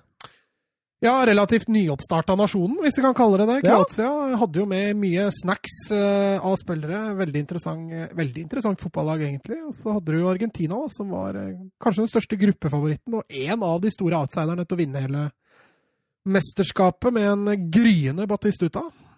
Og trener eh, Passarella der, som hadde jo løfta VM-pokalen i 78 for Argentina sjøl, som kaptein. Han eh, leda troppene med nydelige spillere. Altså, de hadde jo Ayala, Sanetti, Simione. Veron, Batistuta, som du nevner, Crespo det, og, og Mathias Almeida, som eh, var en tur innom Lyn, var han ikke det? Jo, det stemmer det. Uh, Ariel Ortega òg, som var jo døpt en slags ny Maradona. Han viste jo litt til tendenser under mesterskapet, selv om han uh, kom til gruppespillet, der, sluttspillet der, så, så dreit han seg skikkelig ut. Men uh, et veldig spennende lag, dette, dette Argentina. Ja, eh, gikk litt trått mot Japan, men vant uh, greit 1-0. Det var vel Batistota som ble målskårer, Ja, han ble matchvinner, ja. før det festfotballen kom mot uh, Jamaica. Ja, da var det ball i hatt og klart best. Og, ja, vi var ferdig at det rant- begynte å renne inn etter en, eh, en halvtime etter at Pole ble utvist med sitt andre gule rett før pausen. og Da, da var det kjørt. Da ble det en veldig tung andre omgang for Jamaica. da.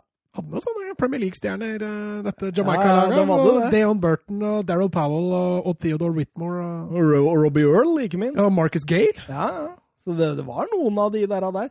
Men det var vel ikke godt nok lag sånn sett over ett, tenker jeg. Nei, det var stort sprik. Men jeg tenker på Ortega der, de to skippene han har. Ja, Jeg tenkte når han løp og jubla i trøye nummer ti der, at du gjør ikke skam på den, i hvert fall. Nei. det er jo litt spesielt å spille for Argentina med nummer ti. VM-et etter Maradona. Diego Maradona Mm. sa takk for seg. Det tenker jeg. Eh, Men mot Kroatia var egentlig en kjedelig kamp. Eh, Vinner da knepent da med eh, Det er vel Ortega som spiller fram eh, Pineda, som overlister eh, Ladic i, i Kroatia-målet. Eh, Kroatia yppa seg spesielt i annen omgang, og kunne vel med hell fått med seg poeng i denne kampen, tenker jeg. Ja, altså dette er Kroatia-laget. Så en sånn liten dokumentar om de før, før mesterskapet, i og med at de var en ganske ny, et ny nasjon. Og når de skulle velge trener til landslaget, så valgte de altså en som var politisk engasjert i denne splittelsen fra, fra Jugoslavia. Og første han gjorde, var å eh, sette Boban som kaptein. Han, eh, I og med at han også var med å kjempe for Kroatias egen frihet. og det blei jo en perfekt start for dette Kroatia-laget i, i VM, bortsett fra at de tapte mot Argentina, selvfølgelig. Men eh, et veldig spennende argentinsk lag, med annet Slaven Bilic, som eh, sikkert flere Premier League kjenner til. Kanskje like greit at de tapte da unngikk de England i Ja, åttendedelsfinalen. For det var jo en litt sånn greie, egentlig, det der. der. Men jeg så et intervju med han Robert Jarni òg, han som spilte i Real Betis. Mm. Han sa at uh, på grunn av bakgrunnen vår, på grunn av alt vi hadde opplevd, på grunn av vår trener, da, som du var inne på også var uh, uh, politisk veldig engasjert, han Miroslav Blasevic, så var det ikke vanskelig å motivere seg. Selve motivasjonen for hver kamp da, den gikk automatisk. Mm. Det var ikke noe problem. Uansett hva de kom over, uansett åssen situasjonen de var i, så var det liksom eh, Det, det, var en, et forent lag da, som skulle kjempe. Og Blasevic sa jo også det etter mesterskapet, at, eh, eller en stund etter mesterskapet, at eh, hadde han hatt den erfaringa han hadde nå, er han sikker på at han hadde tatt laget til VM-gull i 98. Ja, fordi det, det var jo en enorm Altså, det var å se Kroatia i VM i 98. Det var liksom som å se et lag som Du, du kunne nesten tenke litt Er de uovervinnelige? Mm. Fordi de, de hadde et svar på alt, uansett hva de ble satt ut for. Og, og Zucker, da. Han kunne jo score på alt. Ja, han blei jo VM-toppskårer til slutt òg. Han, var, eh, han var en eh, Var kanskje den største stjerna der. Mm. Japan, det er vel ikke så mye å si om dem, eller søren? Den keeperdrakta var jo uh, er verdt å, verdt å nevne. Verdt å nevne, og ellers uh, ikke særlig mye, nei. Det er Nei, altså, dårlig debut. Når du snakker om den keeperdrakta, så er jo det den keeperen, når jeg så gjennom troppen, den eneste jeg kjente igjen. Eh, Kawaguchi. Og så tenkte jeg, hvorfor kjenner jeg igjen han? Hvorfor kjenner jeg igjen det navnet der? Du kjenner Nagatao. Nei, jeg gjorde ikke det. Jeg kjente Kawaguchi, han keeperen. Ja, Kjente du Nagatao? Pamaguchi? Tamaguchi. Kawaguchi. Han, eh, så måtte jeg jo google om, da. Han blei jo henta til Porsmouth i 2003. Derav hadde jeg hørt om han. Han fikk veldig få kamper der, blei funnet og veid for lett og sendt videre til FC Nordsjælland, hvor han fikk over 150 kamper. Nordsjælland, det er bra, det òg. Ja, det, det, det er jo ikke noe- Men eh, gruppa, da. Argentina, full kontroll, full pott, ikke innslupne mål. Det, det så veldig bra ut, rett og slett. Og så sprudla de ganske mye offensivt òg, så det, det var, var en lovende start for Argentina. Mens Kroatia, god kamp Solid. mot eh, Ja, solid, ja. Det er vel det rette ordet der. Eh, vet du hva, nå skal vi faktisk begynne på utslagsrunden, folkens. Finally. Ja, eh, det var mye gruppespill. Det var mye gruppespill. Men eh, ja, vi får bare kjøre på videre med Italia mot Norge, faktisk. Det var et oppgjør mellom Egil Drillo Olsen og Cesare Maldini. Det var et velorganisert 4-4-2 mot et velorganisert 4-5-1. Eros Ramazzotti mot Espen Lind.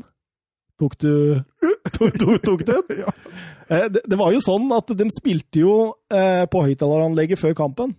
Eh, en artist fra hvert land i dette VM her. Og det var eh, Espen Lind som eh, fikk æren for Norge. Eh, kanskje bedre enn mot Brasil, for da var det faktisk DDE med Rai Rai. Ja. Det er jo en tekst alle kan synge med. Men Eh, og særlig Brasil. da. Rai. Ja. Det var en hyllest til en av de gamle gutta. Tenk han kom ut på sånn! Men Italia er jo på mange måter Norges nemesis. I VM-sammenheng. Ja, altså, ja, i, ja, i overall i fotball, altså. Det, altså eh, det var jo de som sørget for at bronselaget fra OL i 36 ble bronselag, og ikke et sølvlag eller et gullag. Mm. Eh, det var Italia som eh, sendte oss hjem i 38. Det var eh, hovedårsaken til vi hadde reist hjem i 94. De sendte oss også til playoff når vi hadde sjanse til å vinne gruppe H med Per-Mathias Høgmo den gangen. Husker du det? Ja, jeg husker Hugmo. Hugmo, ja. Og da kunne vi jo kvalifisert oss for EM i 2016. Det gjorde vi jo ikke pga. Italia. Husker du Alesami var det som gjorde en fatal ja. tabbe på slutten? Ja. Og i 98 Jo, men de hadde oss også i gruppespillet i kvaliken til VM i 2006. Mm. Da Karev eh, Norge, led, Norge, tok ledelsen med Karev, og så Eller var det Hoseth? Jeg husker feil. Vi tok ledelsen nede i Italia, i hvert fall, mm. og hadde ledelsen ganske lenge. Og så fikk Italia 2-1 helt på overtid. Ja, Så det, det er skikkelig sånn uh, nemesis for Norge. Ja. eh, starter, kampen starter jo ganske jevnt. Eh, ja, det, det, var to lag med fokus på det defensive. trygghet. Ja. Det var ingen tvil om det. altså. Absolutt. Eh, og det er egentlig en god norsk eh, periode hvor Italia tar ledelsen. Ja, altså det er jo Det ble plutselig veldig mye rom bak der, og én pasning på, på 30-40 meter, og så er Vieri nesten aleine med keeper der. Eh, så det blei for mye rom mellom stopper og stopper i, i Norge der. Jeg skal sitte og si også at Øyvind Leonardsen blei tidlig Ikke utvist, men måtte tidlig byttes der. Og, med strekk, ja. Ja, han er jo motoren på mm. den midtbanen. Rekdal og Mykland er jo litt mer kreative sjeler, mens Leonardsen skulle jo skulle jo løpe. Eh, og Roar Strand som kom inn der, måtte jo også byttes ut igjen rett før pause igjen. og da når du da mista begge løpsmaskinene dine, så Jeg hørte Nei. Drillo sa jo i et intervju etterpå at, at eh, planen vår når vi lå under, det var jo å hive inn på en Jostein Flo og en Ole Gunnar Solskjær. Ja. Eh, dette begrensa jo liksom den på en måte retrettplanen, da. Ja, for vi gjorde to bytter før pause. Mm. Så det På samme posisjon. Ja. Så det, det, er jo ikke så veldig enkelt. Men jeg syns også, i annen omgang Norge tar jo kommandoen, og vi er jo egentlig helt på høyde, og kanskje til og med enda bedre enn Italia i store mengder, mengder av kampen. Ja. jeg er faktisk helt enig med deg, men det har litt også med at Italia overlater, som du var inne på tidligere, da, at Italia var veldig kyniske. De overlot mye til Norge. De følte seg trygge, og Norge skapte jo ikke all verden. Men vi hadde et OK trykk på dem. Eh, ja. Sånn at eh, jeg føler at Italia hadde grei kontroll, selv om Norge yppa seg litt. Del Piero hadde jo noen sjanser. Ja, altså Italia tok jo et par av kontringene, eh, og Del Piero var brukbart i den matchen der. altså. Mm. Tor André Flo kunne ha satt 1-1 der. Ja. Den headingen. Ja. ja. Erik Mykland som legger inn der, eller Der Muck, som han ble kalt i 1860. De Mykke, ja. det er det Der Mykke? Det er mygg. De mykket, tror jeg. De, de mygge, faktisk. Hva betyr det? Uh, det er mygg. Det er mygg, ja. ja det er mygg. Han fikk myggen der òg. Det er helt nydelig.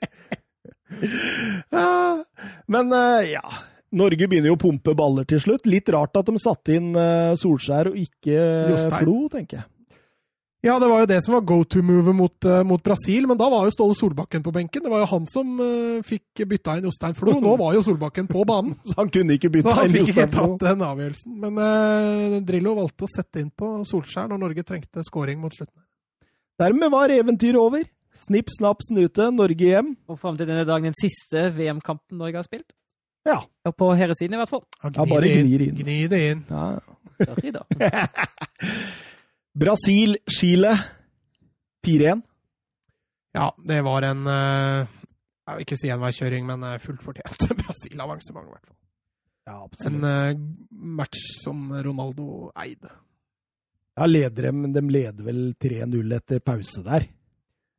Tre, Eh, tre, tre dødballer, riktignok. To, uh, to frispark som leder til mål. Det andre litt, uh, litt heldig spredt til Cæsar Sampaio, som allerede har satt 1-0. Og så hadde... ja, keeperen er på vei feil vei der. Uh, får ikke lagt igjen beinet sitt. og så er det 3-0-straffen der Ronaldo blir klart felt av keeperen. Ja, men det er konstruert, eller? ja, Han er, begynner jo å falle Ja. før han treffer keeperen der. Ja, Så det. Ja, men Ja, altså, snakk- kan om godt hende de- VAR hadde tatt den. At ikke hadde blitt straffe? Ja. Nei, det tror jeg ikke. Jo, men fordi hvis du konstruerer Det blei jo I hvert Ja. fall i Premier League Ja, jeg så har sett det. blitt Men det var eh, litt det jeg skulle fram til. Faller du eh, før, så har de tatt den. Men uh, han konstruerer jo den straffa. Han løper jo inn i keeperen der. Han ser han får straff. Og... Jeg tenker jo så Hadde han stått på beina der, så hadde han jo antageligvis skåra da òg. ja. Mm. altså han litt heldig med straffen nå, da. Ja, keeperen er jo på. Ja. Ja, absolutt. Og så ser du, da. Nå, har vi, nå skrur vi ned tempoet i annen omgang, og så bare kontrollerer vi ut. Og Chile hadde jo egentlig ikke noe sjanse, altså. Selv om eh, både Samarano og Salas var strålende i Ja, altså, Forspillet av Salas til 3-1 her er eh, Altså, han strålende. Ja, han gjør jo alt.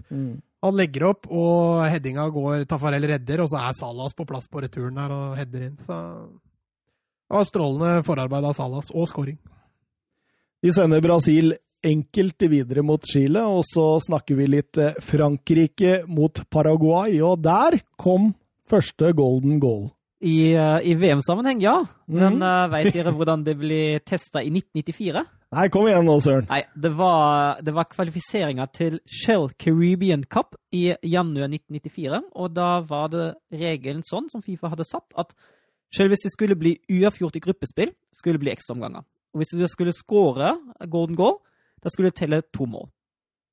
Um, så var det en treergruppe der alle spilte én gang mot alle, med Grenada, Puerto Rico og Barbados. Og før den siste kampen måtte Barbados vinne med to mål mot Grenada for å sikre førsteplassen og avansement til Shell Cup.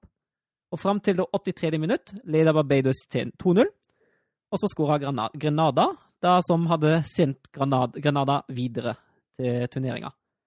Og da, i det 87. minutt, tenker Barbados nei, nå dropper vi å angripe, og så skårer vi heller sjølmål, for da blir det 2-2, og så får vi en ekstra halvtime til å skåre ett mål, som da teller dobbelt, som sender oss videre til, til mesterskapet. og den tok den kyniske veien, De ja. tok den kyniske veien, skåra sjølmål. eh, og da begynte Grenada også å tenke, tenke at hm, enten så skårer vi et mål nå, så vinner vi 3-2, og det holder, eller så skårer vi sjølmål her. så taper vi 3-2, og det holder. Så Barbados endte opp med å forsvare begge mål, både sitt eget og motstandernes, for å holde den 2-2-en til 90 minutter, og det klarte de jo. Så ble det ekstraomganger, og da klarte Barbados å sette golden goal, vinne 4-2 til slutt og bli sendt, bli sendt til, eh, til Shell Cup i 1994. Og eh, James Clarkson, som var Grenadas trener, han sa etter kampen jeg føler meg bedratt. Personen som lagde regelen, må være kandidat til galehus. Kampen burde aldri vært spilt med så mange spillere løpende forvirret rundt på banen. Våre spillere visste ikke engang hvilket, hvilken retning de skulle angripe, vårt eller deres mål. Jeg har aldri sett dette før. I fotball skal man skåre mål og ikke få motstanderen for å vinne. Åssen formasjon skal du spille da, når du må forsvare begge mål? 505, da. og Burde lange du baller. burde ha fått ha keeper i det målet du ikke har keeper, så bør du jo Det villeste Det er en fantastisk historie, og Fifa stoppa det prosjektet ganske så kjapt. Ja, det høres riktig ut. Det det høres greit ut, det, altså. Men eh, det skjedde ikke i, i eh, Frankrike-Paraguay, da. Og nok en gang er Paraguay solide. Ja, anført av en Chilavert bakerst, så eh, holdt dem Frankrike fra det ganske lenge. Mm, absolutt. Eh, Ganske lenge var jo mildt sagt òg, for det er jo, tar jo faktisk 119 minutter før eh, Laurent Blad setter 1-0 fra femmeters hold der. Ja, han blir den store helten. Trezeguet og Ari har jo kommet inn her også. Eh, tror du de start, starta dem, eller? Ja, det gjorde de. Ari gjorde det vel det. Han traff vel stolpen uh, rett før pausen. Uh, Trezeguet tror jeg kommer inn, men har jo den, har den fine heading-assisten mot Blanc. Da han hadde headan kontrollerte innlegget fra Pires videre mot Blanc. Ja, den er nydelig, altså. Ja, den er fin. Og Han sitter altså på benken hele matchen. I den Nei, men han var, jo suspendert. Ja, ja, men mm. Absolutt. Eh, Nigeria-Danmark, da. Vi, vi, vi, hadde jo skrytt mye, mye av Nigeria nå, men her var det stopp. Ja, det, var jo, altså, det er en stor skuffelse. Man hadde forventa at Nigeria skulle klare mer. De var jo til og med en av outsiderne til å kanskje kunne gå hele veien i forkant. Og så er det brutalt tap mot, uh, mot Danmark der. Jeg ser eh, Mikael Laudrup der òg, når han får den der lange ballen, og så bare én touch omtrent, eller han legger den til rette, og så én touch til side. Mange ville dratt på scoring der, dratt på mål, men han bare ut til Peter Møller. Sånn dundrer han i mål. Eh, og det, det, går jo ganske fort. Det, det er vel tar tolv minutter før eh, Brian Laudrup setter eh, 0-2. Etter den dårlige returen fra keeperen der, ja. ja, Rufai der, ja. På en veldig dårlig start her, Nigeria. da. Jeg ligger under 2-0 før jeg har spilt kvarter. og det er, det er klart det påvirker, eh, påvirker matchen. Men JJ eh, Okocha, det var underholdning. Han, det har han jo vært hele karrieren. Ja. Men han har like mange overstegsfinter som De Nilsson, altså. Ja, Er han oppe i like mange? Ja, det tror jeg faktisk. Okay, okay. Jeg tror jeg telte en 412 på begge to. Ja, I dette mesterskapet? ja. jeg, jeg, tror De Nilsson har to flere i karrieren generelt. to flere i karrieren. Eh, men eh, ja, det, altså Nigeria med en god JJ Okocha, de, de presser jo eh, utover i første omgang der. Ja, jeg syns, jeg syns de, skaper, de skaper i hvert fall noen, uh, noen sjanser da. Kunne fort ha fått med seg, fått med seg et mål, men i, i, andre omgang, så snart andre omgang er i gang, syns jeg Danmark er klart best. Ja, det, det, er akkurat som de kommer ut og har nullstilt seg igjen, føler jeg. Mm. Og uh, Danmark kjører jo Ebbe Sand har vel vært på banen i 16 sekunder når han setter 0-3. 16 sekunder, og så det det er helt greit. 0-4 med Thomas Helveg, Udinese-spissen der Nei, spissen er i hvert fall ikke spillerne. Som setter den, og eh, ja, det blir bare trøstemål for eh, Babangida. Eh, enkelt og greit for Danmark, altså etter en god, solid åpning. Eh, Tyskland-Mexico, Søren? Ja, det var så vidt. Det eh, er jo riktignok eh, Tyskland som kanskje åpner best med den eh, headingen, eller så den, den Bierhoff setter i, uh, i tverrliggeren der. Han kunne ha blitt tidlig målskårer, men uh, det er ikke sånn superoverbevisende kamp, der, og det er ikke ufortjent at Hernandez sender Mexico i ledelsen rett etter pausen heller. og det kunne fort ha blitt uh, 2-0. Uh, Køpke redder jo i stolpen, og så er det Hernandez som jeg ikke veit hvordan han ikke klarer å sette den returen. Han setter jo en uh, rett tilbake på, på keeperen på tilnærmet åpent mål, så da kunne det vært 2-0, og da tror jeg kanskje det hadde vært uh, nesten over for Tyskland. Der. Mm. Men Men isteden så snur man det? Isteden uh, snur man det. Det er uh, først Hamans innlegg, som uh, forsvarsspilleren surra Rett eh, på foten til Klinsmann nesten, som er kynisk fra kort hold. Og så er det du, du, gikk Klinsmann de. Mm? Du gikk ikke Klinsmann de.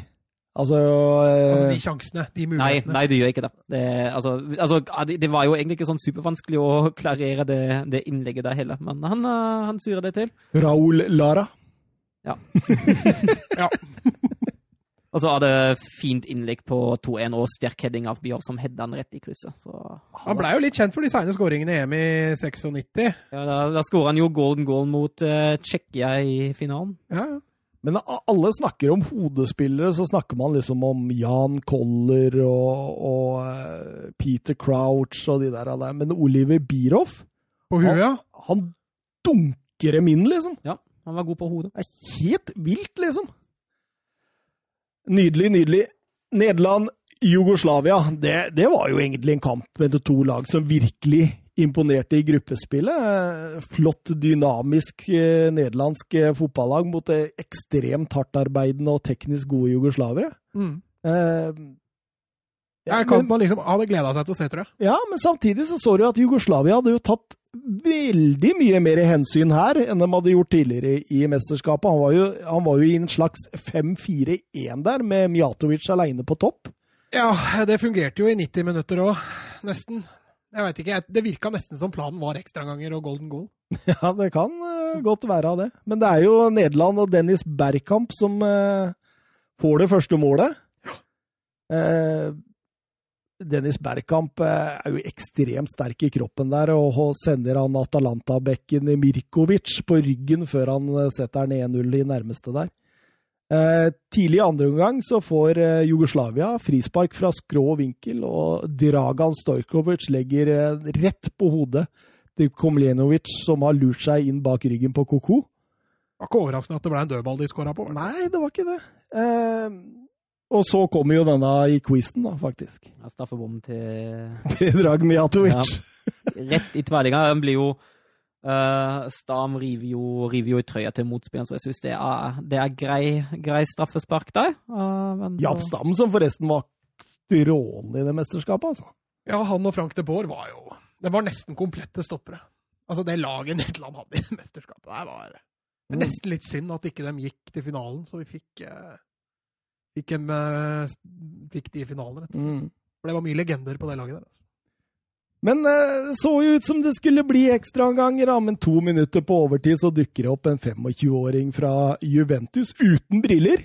Ja, han hadde jo ikke blitt påvist noe øyefeil ennå, så Dette øyeblikket tror jeg Edgar Davids aldri kommer til å glemme. Nei, forståelig nok. Eh, Ronald de Boer der som bare triller ut en corner i rommet. Åpenbart at Jugoslavia trodde han skulle smelle den inn i feltet, så han kommer veldig seint opp i presset på David, som Eh, ja, via en eh, jugoslavisk spiller setter ballen der eh, to minutter på overtid og sender Nederland videre. Men uh, kunne Berkamp ha blitt utvist?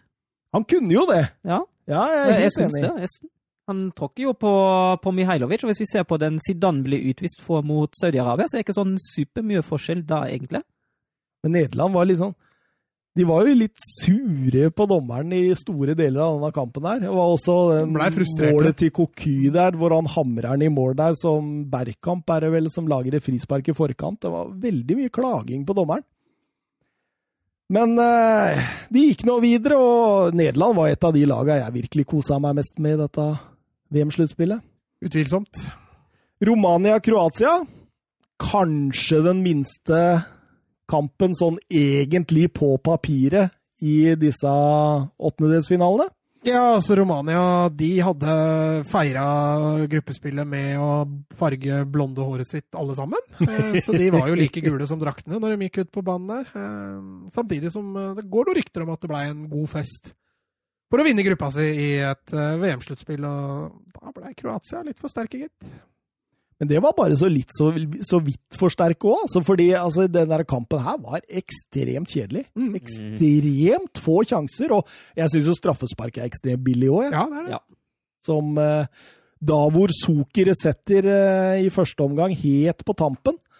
Og han må, han må jo ta den to ganger òg, for det er en kroatisk spiller som driver og virrer innafor 16-meteren når, han, når han skal slå den. Um, og eh, det Romania viser i annen omgang når laget virkelig behøver mål, det er nesten på kanten til latterlig. Mm. Altså eh, De kom jo knapt nok til en halvsjanse, jo! Det var helt men dette er litt av altså Når de drev i gruppespillet, så møtte de lag som gikk framover på banen. Mm. Uh, her møtte de et Kroatia-lag som ikke måtte noen ting. Nei, og hadde fem i forsvaret. Og... Ja, og var ikke flaue for å forsvare inn den 1-0-ledelsen. Og de var jo egentlig ikke trua i det hele tatt. Nei, absolutt ikke. Det var ikke en målsjanse å se omtrent fra Romania. Og Kroatia går relativt greit videre men med hjelp av et billig straffespark. Ja. Og så kom vel kampen over alle kamper i åttendedelsfinalen. Argentina-England, det er vel Det blei nesten kampen i eh, hele i, mesterskapet. Altså, ja. Sånn i forhold til dramatikk og bra fotball og etc. etc. Det er blitt kalt en av VMs historiens beste fotballkamper. Det var liksom en kamp som inneholdt alt. Det var liksom to ekstremt gode fotballag. Mm. Det var straffesparkkonkurranse til slutt. Det var drama, tribuneliv. Røde kort. Ja, røde kort. Svingningene i kampen.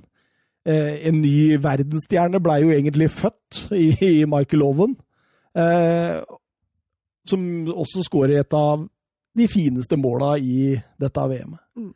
Så det var litt det hadde alt. Jeg, jeg, så et intervju med han Nelson Vivas, som spilte i forsvaret på, til Argentina. det er litt artig, for han, eh, Han forklarer at når de varma opp ved siden av England, så hadde de skula litt på de såkalt engelske Premier League-stjernene. ikke sant? Stått og sett litt på og sånt. Og når de gikk ned i garderoben, så var det helt stille.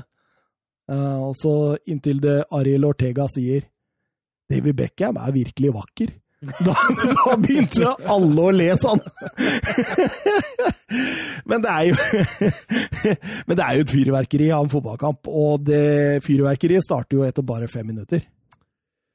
Ja, det stemmer jo det. Det blir uh, Hvilken situasjon? Straffesituasjon? Straffesituasjonen, ja. ja uh, hvor uh, Argentina får straffe. Batistuta setter den. Ja. David Simen som drar ned Simione innafor 16 der. Mm. Uh, urutinert, da. Rutinerte Simen, tenker jeg, mm. fordi det så ut som Simione var på vei bort. Og Anderton var jo på innsida. Ja. Så, har egentlig kontroll på situasjonen. Ja. Så det var litt håpløst, det. Fire minutter etterpå så er det jo England sin tur til å få straffespark, og litt billig sorten, det òg. Ja, ganske så, altså. Det, jeg jeg, jeg syns ikke det er billig, altså. Jeg, jeg hadde ikke blåst den, jeg. Ja. Han går i 190, da, og han er jo altså det, Ja, det er ikke så mye som skal til for å få nei, noe balanse. Michael Owen, han har jo en enorm fart, og Ayala eh, flytter jo seg i den retning. Men Ayala veit hva han gjør der. Ja, det gjør han. Helt utvilsomt. Ja, han og... går inn i banen hans, så det, så det, er, det kan jo være en og, ja, det er som du sier, Michael Owen er ikke svære karen, så det er ikke så mye som skal til. Men uh, det er litt Jeg mener den straffa kan forsvares. Den kan forsvares, men han er billig, syns jeg. Ja, vi kan være enige om det. Ja. Eh, Alan Shearer. Sikker? Ja, altså På Carlos Roa. Du hadde en historie om han tidligere episoder her. Han som trodde at verden skulle ramle over huet på han. Eh, David Beckham eh, Ja, syns eh, David Beckham og Paul Scholes og, og Michael Owen og det, det blei mye England utover i omgangen. Ja, det gjorde det, og England hadde egentlig en, en veldig god førsteomgang. Når mm. ting begynte å sette seg litt. Eh, jeg følte England hadde egentlig grei kontroll på, på matchen på det tidspunktet. Og du satt liksom med følelsen at dette kan England fort ri av. Ja, og etter 16 minutter så kommer jo en av VMs-historiens eh, mest, i hvert fall omtalte mål. Ja, det er jo en, uh, en fin overgang, egentlig. Altså, det er Owen som løper og løper, og han løper godt. Altså, han løper vekk fra motstandere ja. hele veien. Ja, han gjør det. Men måten han tar med seg på, der, med hæren der, og det er jo en enorm speed. Og så setter han veldig fint i kryss òg. Det er en uh, veldig sterk avslutning når han først mm. kommer alene med keeper. Ja, absolutt. Men Eh, så England har dominert, alt er greit. Rett før pause så er det en sånn mini-Brolin fra det ikoniske 94-målet. Hvor eh, Sanetti bare lurer seg inn bak eh, forsvaret deres. Etter, bak muren? Ja, det, det, ser jo ut som Batistota skal skyte. ikke sant? Mm. Og det, det, tror jeg England òg. Men plutselig står han aleine der og hamrer inn 2-2. Og så kommer vi jo til det som er kanskje mest kjente i hele VM 1998. David Beckham, Diego Simione. Rødt kort til Beckham. Mm. Gult til Simione. Ja. Eh, vi diskuterte jo den eh, litt eh, før sending. Eh, hvor eh, Mats og Søren sier at det er soleklart rødt kort. Nei, vi er, nei, nei, nei, nei. Jeg, jeg, mener at det kan forsvares å gi rødt kort der, men det kan også forsvares å kanskje bare gi gult. Ja, ok, takk. Da bør vi ikke diskutere den, da? eller? Nei, altså, Jeg mener jo det at det er et, er et uh, OK rødt kort. Jeg mener ikke det er soleklart, og, og det hadde fint også kunne forsvart hvis det hadde vært gult. Mm. Men jeg er jo på det at det er et spark. Ja. Og, derfor, og det er jo der jeg er litt uenig med deg. Mm. At jeg Ja. Jeg, jeg syns det hadde holdt med gult, men uh, jeg veit ikke om jeg orker å diskutere noe. Jeg. Nei, vi kan uh, gli over. Det var jo et kvarter med diskusjon i forkant. Uh, vi kunne nesten trykka på play da. Ja, burde ha vært på tape. Da. Ja, burde det. Vi er i hvert fall veldig uenige, men han får rødt kort. Og Simione ligger jo og har kjempevondt i, i lange tider. Nei, det er ikke lange tider. Ja, i... Han i ganske lange tider. Ja, OK. okay. Nei, jeg, jeg synes det er strengt. Jeg synes det er småflaut å se Simione sitte, ligge og ha det vondt som om han er skutt. Jeg, jeg syns ikke man skal forsvare det. Det er derfor jeg kanskje blir litt ivrig i de diskusjonene der. At jeg syns Altså overspillinga du reagerer blir så håpløst, da. Ja. Men eh, nok om det. England 10 mot 11 blir jo en slags forsvarsmodus, men eh, Argentina skaper jo egentlig ingenting etter at England eh, legger seg bakover. Nei, England har jo også masse stoppere å ta på benken. Eh, Southgate kommer jo inn og skal hjelpe til å forsvare dette, eh, og jeg syns England forsvarer seg greit. Eh, ja, eh, ekstraomgangene går uten mål. Eh, Syns Argentina også er best der, men det, det skjer ikke noe sånn veldig mye foran. Og da blir det straffesparkkonkurransen, da. Ja, og da er det England og straffesparkkonkurranser. Ja. Oi, oi, oi. Det er en suksesshistorie, den. Absolutt. Jeg syns liksom ja, da, da taper de jo den, og det, det er for så vidt greit. Det er jo lotto. David Batty han har jo aldri tatt en straffe i hele sitt liv. Nei, jeg hørte det med engelske kommentarer, kommentatorer, og de han, Jeg husker ikke hvem som var ekspertkommentator, men han hadde vært treneren til Batty. Og han sa det at Yes, David Batty skal ta siste. Han setter han, han, kjenner, Han is, jeg så, han liksom. kjenner jeg så godt, så han Ja. kommer til å score. Og han bomma, selvfølgelig. Men det er liksom sånn også, Jeg hørte en eh, engelsk journalist som sa det at eh, hvis Beckham hadde vært på banen, så hadde Beckham tatt den istedenfor David Batty. Og så hadde det vært en annen historie, liksom. Jo, men hadde Beckham vært på banen, så tror jeg England 11 mot 11 utover andre omgang tror jeg fort kunne ha ridd pappet der. altså. Mediene i ettertid så du Det var stygt, ass. Det var skikkelig stygt. David Beckham ble jo hengt ut så det sang etter. Ja, ja, ja. I engelske medier og sånn, ja. Eh, Daily Mirror hadde blant annet Ten Lions and a Stupid Clown. Mm. Og uh, vi husker jo David Beckham-dokkene som hang i løkker bortover den ene gata Mm. der. Uh, der. på, på Mansfield Church så hadde de en, eh, satt opp altså Da snakker vi kirka, liksom. Mm. God, God eh, forgives everything, even David Beckham. Ja, men da ble han jo tilgitt, da. Ja. Vi eh, hopper videre over på kvartfinalene, vi. Eh, vi må jo bare gjøre det sånn. Eh, det begynner med Frankrike-Italia. Ja. Hvis jeg har riktig i papirene mine. Det stemmer, er det. Zidane tilbake etter suspensjon, det hjelper litt på. Og både Ary og 3CG på benken igjen i forhold til fra forrige kamp. Ja, og Italia dytta inn Del Piero etter at han hadde en bra match sist. eh, Men eh, jeg må jo si at Italia prøver jo fryktelig lite offensivt. altså. Ja, Pesotto var jo inne for Italia. Ja, eh, og igjen da dytter de altså inn en femte forsvarsspiller eh, til den matchen. Husker jo Pesotto. Ja. Eh, fra Juve-tida og direktøren der og sånt, var hoppa ut vinduet. Ja, han tok, selv, meter, tok selvmord eh, etter, selvmordsforsøk, i hvert fall. selvmordsforsøk eh, etter skandalen i Juventus. Ja. Ja, og Epo-juks, og han, har- han har vært borti mye. Ærlig type. Frankrike, da. Kampen tar initiativet, Søren. Ja, de er jo, de er jo best uh, fra start av. Det er jo tidlig, tidlig siden sjanse fra Scott Holt, uh, som uh, ikke helt går inn. Og så har du uh, Pagliuccia som redder sterkt mot Petit etter en corner. Um, altså av, av, av eh, Italia jo kanskje bare Vieri som uh, setter ballen i nettveggen, uh, som er egentlig den eneste nevneverdige saken som skjer i første omgang. Og så den største sjansen som har Joka F. Han kommer jo uh, alene Alene, ja. og bommer. Men jeg, jeg, jeg tenker jo så utover i annen omgang der, det, det så ut som Frankrike var skikkelig frustrert over det defensive spillet til, til Italia. Så, de var skikkelig frustrerte. Og, og også, Det var ikke ofte man hørte buing på tribunene i løpet av det mesterskapet, men der hørte du en bua på Italia. For de, de, de var rett og slett ikke interessert i å spille fotball. Altså. Og um, de dytta inn både Ari og 3CG der eh, med 25 minutter igjen. Cesare Maldini svarte med Roberto Baggio.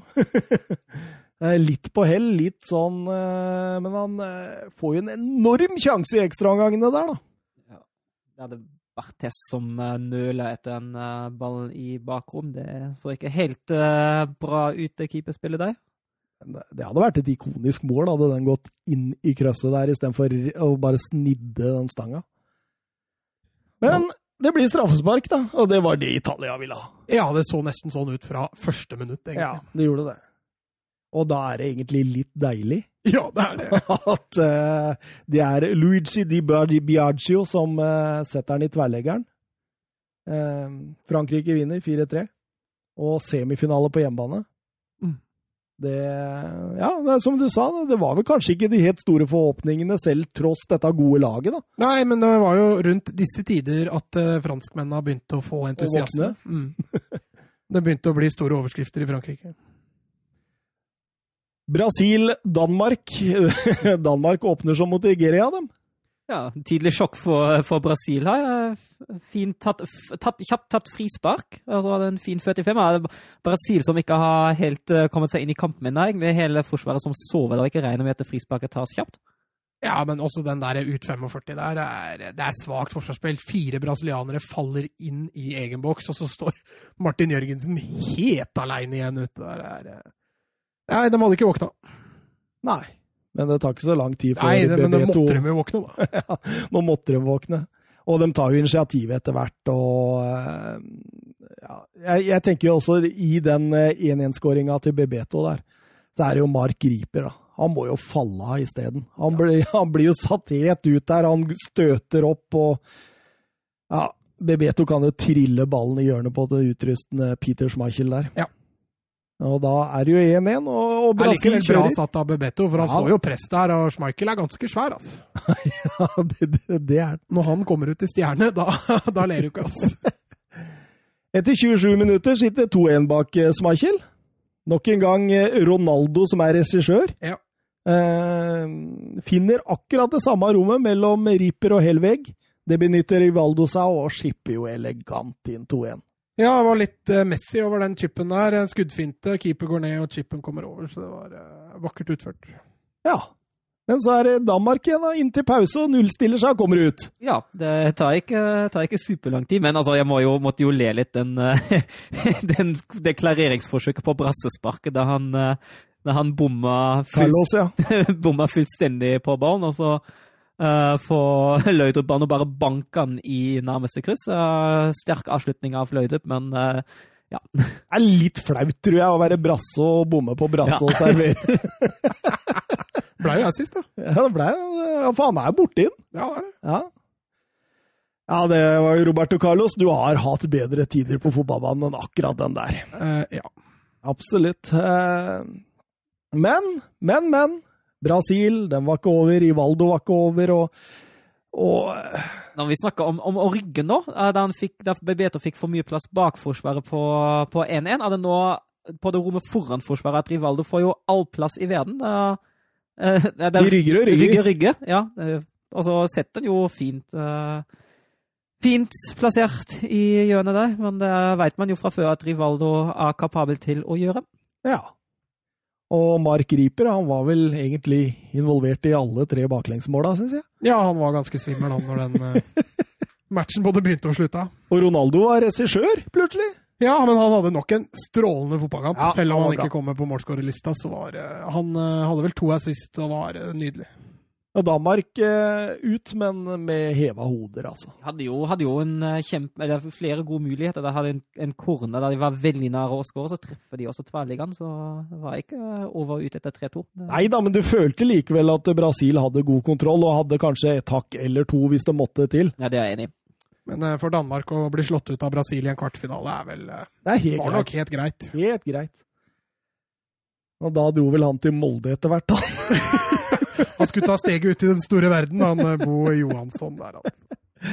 Argentina-Nederland, en fantastisk fotballkamp, og kanskje en av de fotballkampene som kan måle seg med Argentina-England.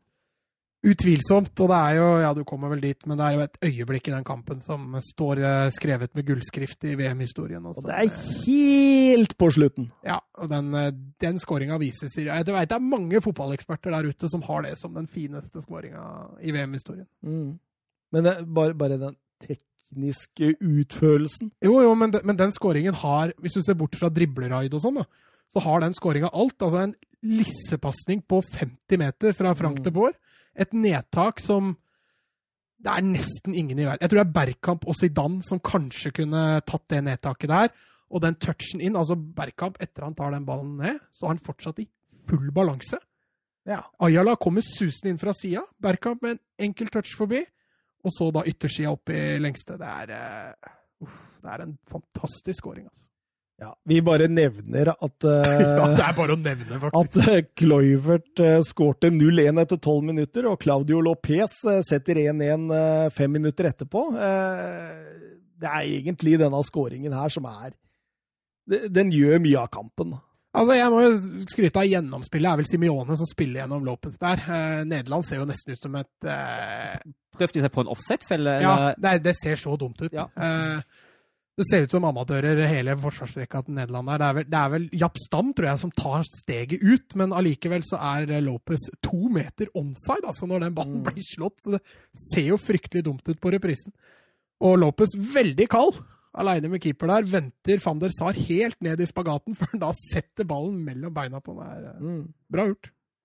Da har vi jo to utvisninger òg. Ja, det var det jo.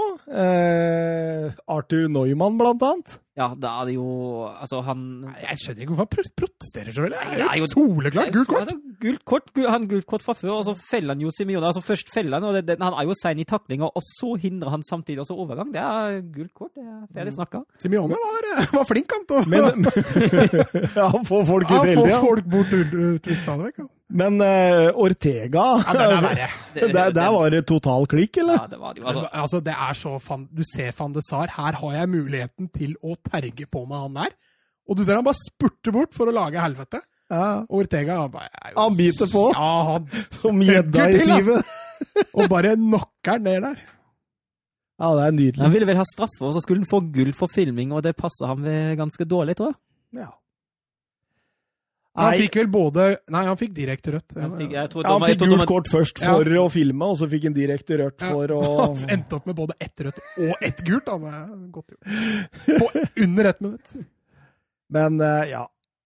Så kom jo som sagt det vi begynte med, da. Ja. Dennis Bergkamp. Det går mot ekstraomganger, og han får en lang ball fra Frank de Boer der. Og touchen hans når han tar ned, silkemykt, forbi Ayala og setter det er, det, er, fantastisk. Det er rett og slett fantastisk. Ja, altså dette er fotballkunst igjen, ja, sånn som kunst. vi snakker om. Det er et hakk forbi fotballgodteri. Ja, det er kunst. Og det er Jeg anbefaler jo alle lyttere til å søke på YouTube, og så søk 'Crazy kommentator at, at uh, Bergkamp Goal 1998'. Det er eh, moro å høre de nederlandske kommentatorene. Der, han, bare, han, bare, mister det. Ja. Bergkamp! Bergkamp! Bergkamp! Dennis Bergkamp! Dennis Bergkamp! Men det hadde, hadde, Tore André Flo eller et eller annet gjort noe sånt, så tror jeg jaggu Skeie hadde mista råd. Altså. Ja, jeg tror da hadde vi ikke funnet igjen Skeie i dag, tror jeg. Skeie hadde fått hjerteinfarkt, faktisk.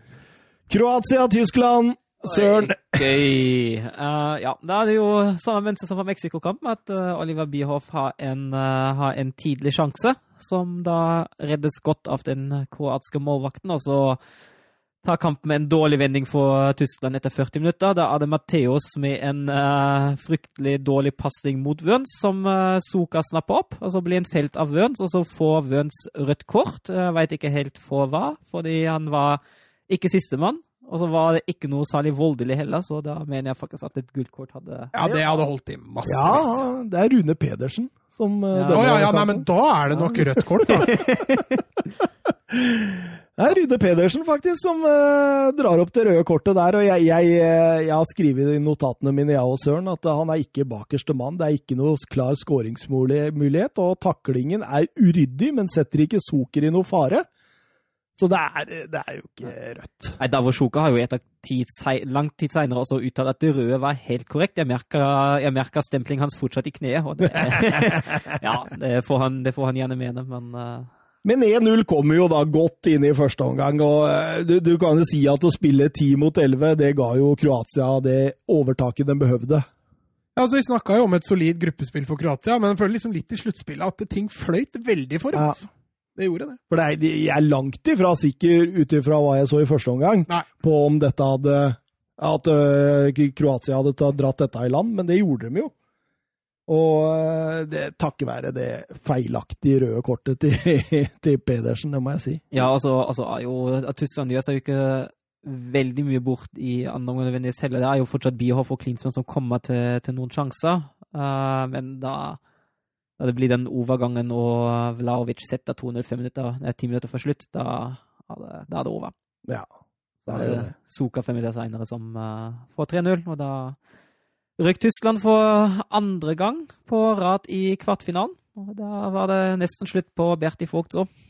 Er ikke så ofte Tyskland taper 3-0 i VM-sluttspill? Det, var, det var Berti Vogts hundredste landskamp som landslagstrener i Tyskland, og det høyeste tapet han, han gikk på. Det største tapet, ja. Men jeg tenker også på Tyskland generelt da, ja, det... i VM-sluttspill. Det er ikke ofte de taper 3-0 i VM. Altså. Vi må hagle oss videre. Semifinale. Nederland-Brasil. det, det, var kamp. Jeg, jeg, bare ser for meg liksom å sette meg ned på bakgrunn av dette VM-et her, og så sette meg ned for å se og kose meg med Nederland-Brasil. Det, det, måtte være, det, det, må være sånn det, er sånn du gleder deg til hele dagen, liksom. Den kampen der.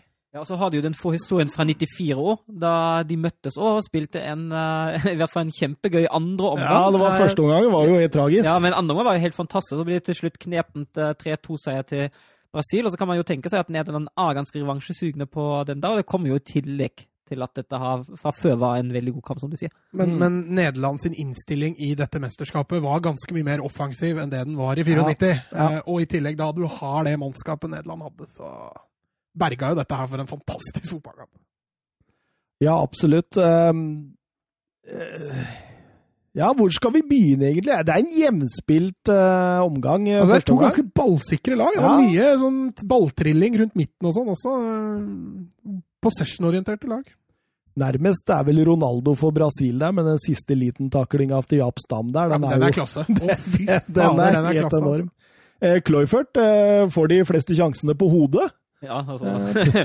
godt for ham at han, at han setter, setter en sjanse seint i kampen. Ja. fordi jeg tenkte det samme, at herregud, han burde jo ha skåra kanskje ett til. Ja, altså den han header over der, for der, da bøyer han, bøyer han, hodet sitt nedover for å mm. komme under ballen. altså. Ja. Og så ender du opp med å heade den over. Det er ganske svakt uh, spissavslutning. Uh, det tar to, kun 22 sekunder ut i annen omgang før det sitter 1-0. Ja, det er samhandling på høyt nivå fra Ronaldo og Rivaldo der. Ja, det er klasse. Rivaldo prikker Ronaldo der. Carlos blir forbanna, ser du det? Og Han ikke får kula. For han går jo på en ærlig overlapp der, Roberto Carlos. Så... Men var det en som gikk på mange ærlige overlapper på venstrebekken der, så var det Roberto Carlos. Altså, jo, han... kanskje han på andre sida, som ja, var like flink, men eh, Utrolig offensive bekker når du snakka om Henning Berg og sånt i stad. Bare se de to bekka, liksom, hvordan de jobba opp og ned. Det var voldsomt. Men eh, det er jo nydelig der. Ronaldo eh, kommer på den før Coquy og holder den på avstand med både fart og styrke, og det er alt, ja, liksom. Den første touchen han har der òg, er jo ja. helt perfekt. Det er nydelig. Eh, Nederland eh, svarer på dette, syns jeg, med å sette opp tempo, produsere litt uh, flere målsjanser. Uh. Både Vincenten var fanken ikke gæren, altså. Men det skal sies at det, i kampen mot uh, Argentina så gambla jo Gus Hiddink med Mark Overmars, og Overmars var jo egentlig Han var jo nesten på nivå med Bergkamp i på en måte status i mm. Nederland. Og han hadde jo fått seg den strekken sin. Mm. Og blei jo gambla med mot eh, Argentina, og fikk ikke spille denne kampen her. Det var Senden som kom inn for han. Men Senden gjorde det bra? Ja, han var veldig god i denne kampen. Det var mye av grunnen til at Cloyfield fikk så mye baller på huet. Ja, for det, det gjorde han, altså. Han mm. kunne jo skåret tre, fire, fem på huet. Han, ja, Senden burde hatt en assist eller eh, to. Jeg tenker på hvor forskjellig han sønnen hans er i spilletype i forhold til han. Ja, du tenker på Justin Kløyfert? Ja. ja, han er litt lavere av vekst, da. Litt lavere av vekst og litt raskere og litt mer bakrom. Ja, Kløyfert var ganske kjapp, han da. Ja, han var kanskje det. Ja, litt ja. lange bein. Men ja, nei eh, det, det, varierer jo, liksom. For jeg syns jo liksom sånn kampen i annen omgang der, så har Nederland litt eh, kontroll på det. Og så tar Brasil over igjen, og så er det Nederland igjen. Og så, tre minutter for full tid, så får Cloyford endelig nettkjenningen. Og endelig på hodet, så stanger han inn. Ja, herlig legg av Ronald de Boore. Skryter han til. Og han var eh, Fantastisk innlegg, rett og slett. Mm. Da blir det ekstraomganger, da. Ja, men uh, den situasjonen, uh, situasjonen, rett etterpå, rett før slutt Kunne Nederland fått straffe? Han får jo ende opp med å få gull for filming. Jeg har ikke skrevet ned den. Nei, ikke heller. Nei.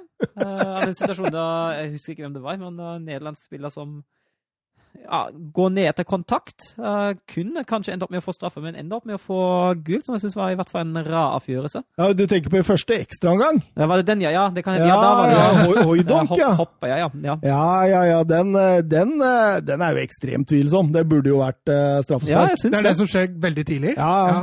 Hoidonk, ja. Stemmer det. Blir tatt av junior Bajano der. Der har jeg skrevet, men da, da måtte jeg over til ekstra, første ekstraomgang. da står det uh, Nederlands nytt for straffespark. Da har jeg glemt å sette en strek i mine notater, rett og slett. eh, men Ronaldo får jo også et par gode muligheter der. Den ene blir jo redda på streken av Frank de Boer, blant annet. Ja, det brassesparket. Det brassesparket. Mm. Eh, synes annen ekstraomgang så syns jeg Brasil er klart best. Jeg syns Japp Stam du, du, ser Japp Stam og annen ekstraomgang. Mm. Der ser du fighter, altså. Og ut med den kneskada etter 115 minutter, og tre minutter behandling på sidelinja fordi de ikke har noen å sette inn. Og ut igjen, og så første i duell igjen. Det er, det er, det er, det er, det er så kriger. Ja, det er maskin, altså. Og da blir det jo straffespark, da, når du har en sånn maskin baki der. Jeg synes en av de beste midtstopperne i dette VM-et. Ja, om ikke den beste. Ja, helt fantastisk, altså. Og ja. Det, det lakker og lir der òg. Ronaldo, Frank de Boer, Rivaldo, Bergkamp og Emerson skårer på tur, og så er det Cocu. Ja. ja. Der var Tafarel. Dunga skårer da sikkert. Ronald de Boer må skåre nå, men da redder Tafarel igjen. Yep. Det er to gode redninger Taffarel gjør der. Altså. Det, ja, det, det, eneste er at det er keeperhøyde på begge, men er, han er lang der, ja, Taffarel. Altså. Ja, det er, det, er, ikke dårlig straffespark. Men du så Rekdal skjøt jo samme hjørne. Mm. Uh, han bare hadde dem litt hardere. Han skjøt litt hardere, så ja. Taffarel rakk ikke. Frank de Boer sa at, uh, etter kampen at uh, straffesparkkonkurranser, det er lotto. Dette er helt grusomt. Vi spilte ikke like godt som mot Argentina, men vi jo gjorde vårt beste. Mens Taffarel, han sa Guds vilje, vi kjempet hardt gjennom hele kampen, og hele Brasil kan være stolt av oss. Jeg syns det er så bra når fotballspillere eh, skylder på Gud. Det betyr da at eh, alt det de har trent for, det, det, har, det har, ikke teltes noen ting, da. Nei, for det er Gud som Det er jo Gud som har gjort dette. Ja, da ble jeg fascinert. Frankrike-Kroatia, semifinalen. Oi, det var vel det som var finalen i 2018, det? Det var det. Ja. Eh, foreløpige siste VM-sluttspillet som ble holdt i Russland, det vi snakker om da. Ja, vi kommer dit. Vi, kommer. vi gjør nok det. vi gjør nok det. Såpass lang tid tar dette her. Men eh, Frankrikes store favoritter eh, til å ta seg videre. Eh, første omgang så åpner jo Frankrike med ekstremt høyt tempo og presser kroatsene bakover på banen med en gang. og Zidane, han er sjefen. Ja, Det er veldig mye Zidane som skjer her, og det som jeg kanskje vil trekke fram mest her, er dette nydelige voldelige langskuddet som uh, reddes med. Jeg tror det hadde gått utafor, men uh, få en teknikk han har på det skuddet der, det var helt fantastisk. Ja, vi, vi, var jo inne på det at eh, vi snakka om litt før sending her, at eh, jeg hadde lest så mye kommentarer om at eh, se kamp, se finalen, og så forstår du hvorfor Zidane var en av tidenes beste fotballspillere. Men jeg syns jo det burde stått 'se semifinalen! Ja, han var, eh, han var fantastisk. Og spesielt første Han styrer jo styrer ekstremt mye. Mm, absolutt. Og så er han så, er, er så deilig fotballspiller. Litt sånn, han, han, han, ser ikke så eksplosiv ut, eller noe sånn, men ferdigheten, balansen, den der elegansen, det er eh, nydelig. Ja, men uh, de får uh, ikke målet sitt. Uh, og annen omgang starter jo med en real smell for Frankrike. Ja, Davor Suke går eh, rett opp og skårer, nesten, fra avspark. Magisk ball av Asanovic der, da. Som liksom på en måte tverrvender hele kroppen sin for å, å skippe den gjennom. Og Zucker han eh, demper jo og prikker 1-0. Og da er Kroatia faktisk i en finale akkurat der og da. Mm. Men det varer ikke så lenge. Det varer ikke lenge. Da er det Turam som svarer. Uh, vinner godt den ballen. Uh, med Boban der, da. Ja, veldig, veldig sterk i, i duellen. Veldig god gjenvinning. Og så er det nydelig samspill med Zidane, som uh, spiller gjennom Turam, og da er det skåring, da. Nei, det er Boban. Du kan ikke gjøre sånn i en semifinale. Nei, du kan ikke det. Sovne på egen 20 meter med ballen i beina, liksom. Ja, altså Turam, da, som er en veldig god førsteforsvarer. Uh, og så er han aggressiv der. Viktig. Mm. Viktig. Og etter 69 minutter setter Tyram jammen 2-1 også. Ja, jeg nevnte vel i stad at han har 144 landskamper og to landslagsmål i karrieren, og det var et helt greit tidspunkt å skåre de to på. Jeg kan eh, spe på, uh, på den litt sånn artige greia du var inne på der, da, med at han hadde åtte mål på 155 kamper for Monaco, som ikke er så halvgærent, det. Nei. Uh, men han hadde ett på 163 for Parma. Hadde ikke så mange i Barcelona heller. Han hadde ett på 144 i Juventus. Han hadde null på 41 i Barcelona. Ja, høres riktig ut. Eh, men eh, så får jo dette en litt sånn skjebnesvanger konsekvens for Laura Blad. Ja, du tenker på den utvisninga kvarter før slutt? Tenk det. Du har et kvarter igjen av kampen som tar deg til finale på hjemmebane. Og så klarer han å klinke til Slaven Bilic. Ja, det er helt, det er helt idiotisk. Og han, han slår, han dytter, og da, da er det rødt kort. Og Bilic han går jo ned som om Mike Ja, han- Tyson har Ove spiller litt der jo, for all del, men jeg syns fortsatt det er riktig å Altså, Blag hadde jo også et bra VM. Ja, han hadde. Uh, så bare, hvis vi hadde hoppa til finalen, altså det å bytte Laurent Blad mot Frank Leboeuf Mm. mot Brasil, tenker man jo at det ville bli et slag for eh, Frankrike. Stort slag for Frankrike. Nei, eh, Kroatia de kommer seg ikke tilbake herfra, selv med én mann mer. Altså det nærmeste er Vlaovic der, som eh, får nærmest lobba litt på Barthes, men han er oppe og, og henter den. Eh, og da har vi finalen Frankrike-Brasil. Eh, vi kan jo nevne bronsefinalen. Jeg er ikke så glad i det, som sagt. Nei, Nederland var ikke heller så glad i det. Nei, den var den vel var ikke på det. ferie, de hadde dratt hjem. De hadde dratt hjem, men, men derav, ikke sant Du får så mange sånne historier om bronsefinalen at det ene laget enten ikke gidder, ikke er fullt motivert, er dritings, sånn som Bulgaria. Sånn som Bulgaria var. Men, men det er gjerne da, når du ser bronsefinaler, at laget underdogsen vinner. Mm. Og det er fordi de Har mer og Ja. mer, ja. Bronse for dem er mye større enn Mm. for Nederland. Men det kan jo nevnes da at Davor Zucker skårer jo målet her, som gjør at han også avgjør toppskårertittelen. Ja, han endte vel opp på seks, gjorde han ikke? Ja, foran Batistota og Vieri, som hadde fem hver. Ja.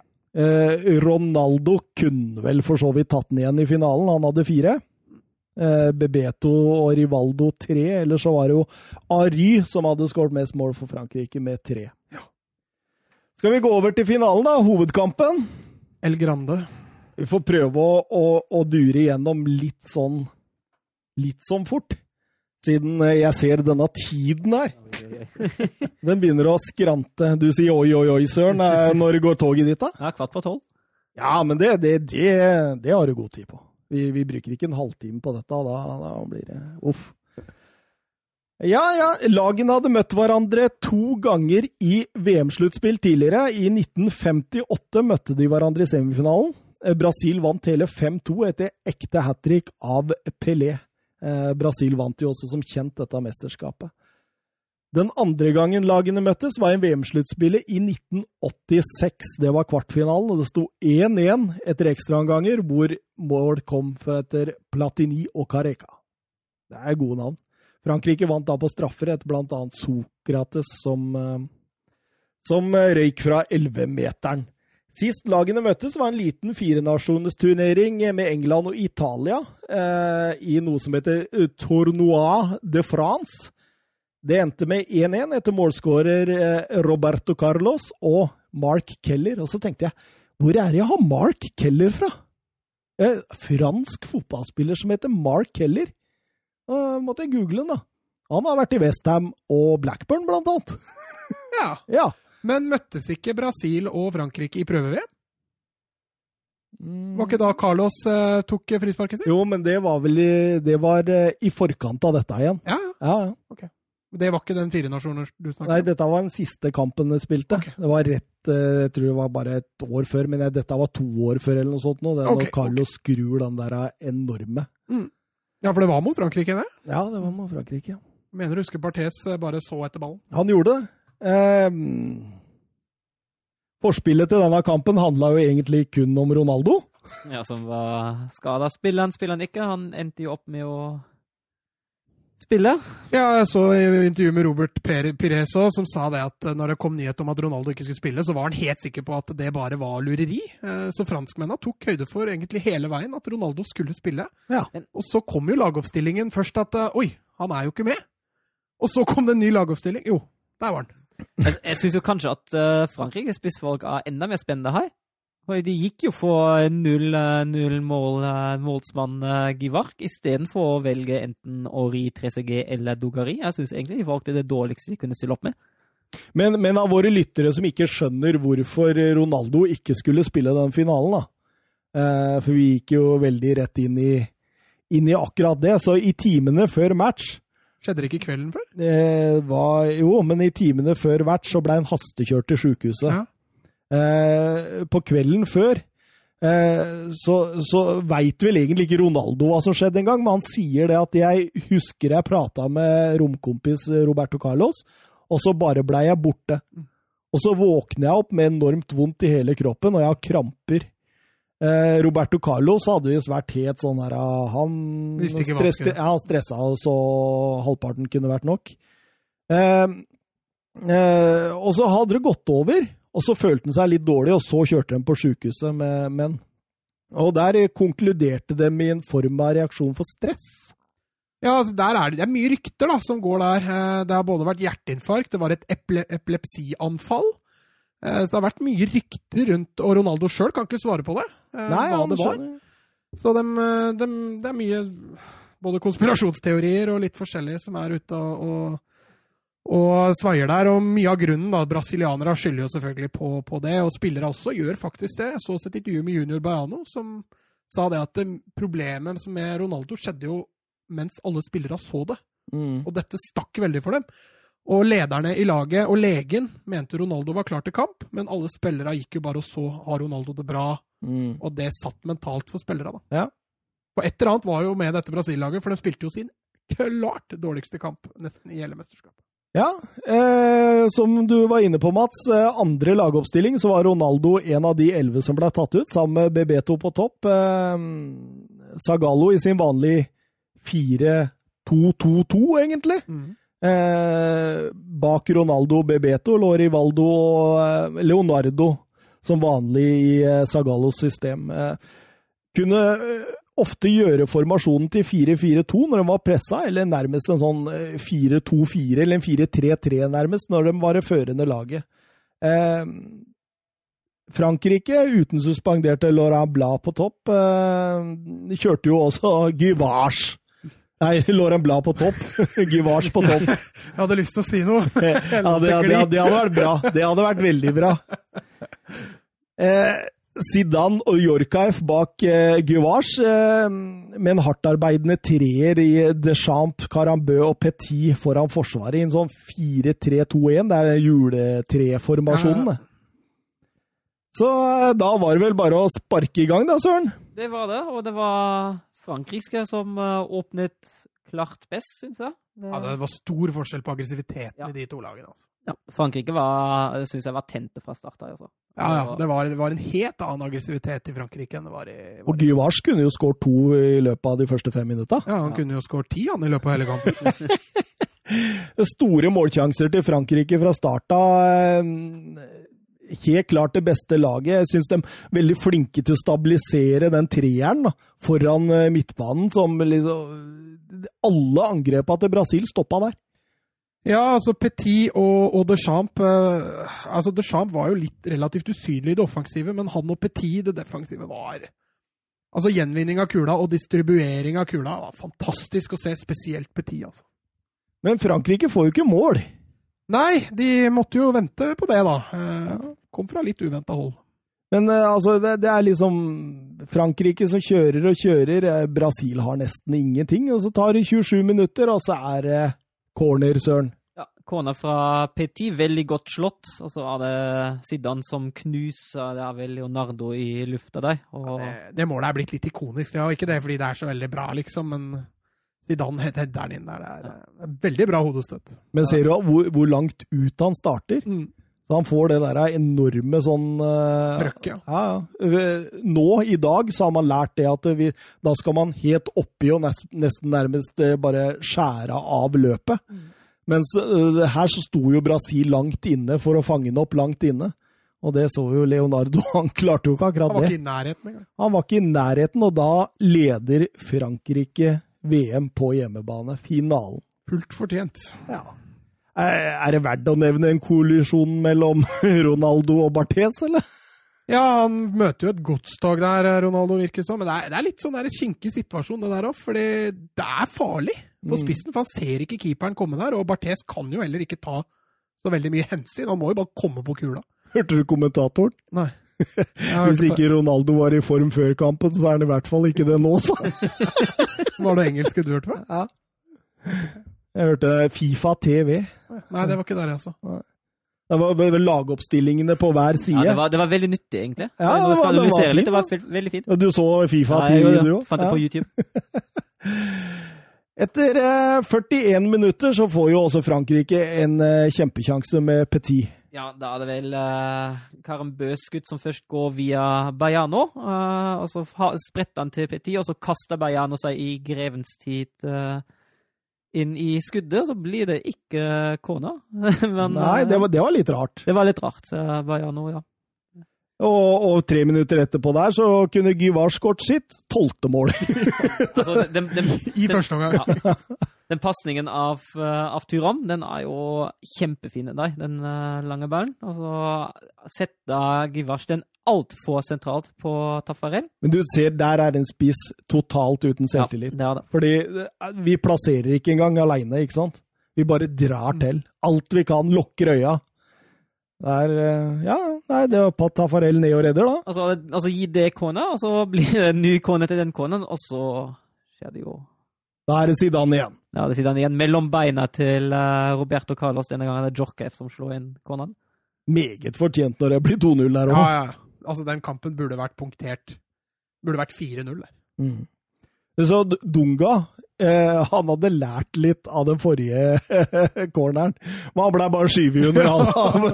det var helt sånn som Dunga bare 'Nå skal jeg passe på', Zidane. Ja, det er det Dunga i den kampen der. Det, det var, det var Åh, han hadde problemer. Men jeg må jo si, du nevnte jo da de tre på midten der for Frankrike, hvordan de ja. tok ut hele Brasilian, eller Brasils frispilling.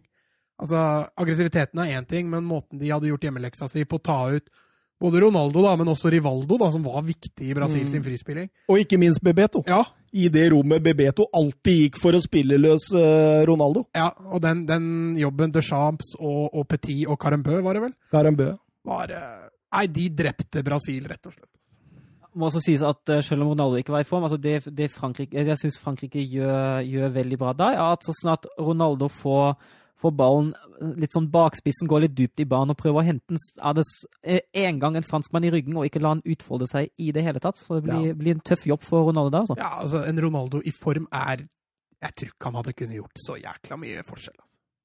Det er jo det er, Altså, Frankrike leder jo 2-0 etter pause her på grunn av hvor gode de er defensivt. Ja, og aggressivitet. Altså, Hadde de vært like gode offensivt som de var defensivt, så hadde de ledet 6-0. Ja.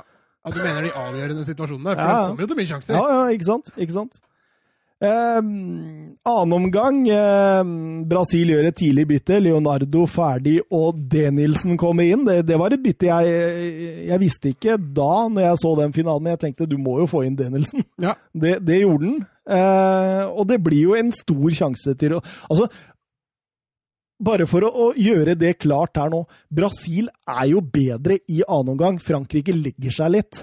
Er, er litt ja, de, de, kjører ikke det samme harde, tøffe presset Nei. i annen omgang. Og det gjør at Brasil får mer ball. Ja, altså De legger seg litt lavere i banen. Eh, mm. De starter ikke presset sitt før Brasil kommer inn på banehalvdelen deres. Og det er klart, det gjør at Brasil inviteres mer med i kampen, uten at de allikevel greier å dominere noe spesielt annet enn ballinnehav. Ja, og Brasil får jo et frispark der etter 30, og mange forventer jo Carlos-skudd. Isteden så løper han over ballen, får ballen fra Rivaldo og legger den inn. Går gjennom hele feltet, tilbake til Ronaldo, som kliner til, med Barthes holderen fra Ja, men den, Han har først en første touch der med huet, hvor han drar ja. seg forbi, og det er jo en fantastisk touch han har der. Og så er det som du sier, da, han kliner jo til, og Barthes har jo litt flaks der som gjør at den ballen faktisk kommer Den, den går mellom. akkurat der Ja. han kan holde den. da, men det, det ser jo jækla bra ut av Barthes, det gjør jo det. Så gjør Frankrike et bytte.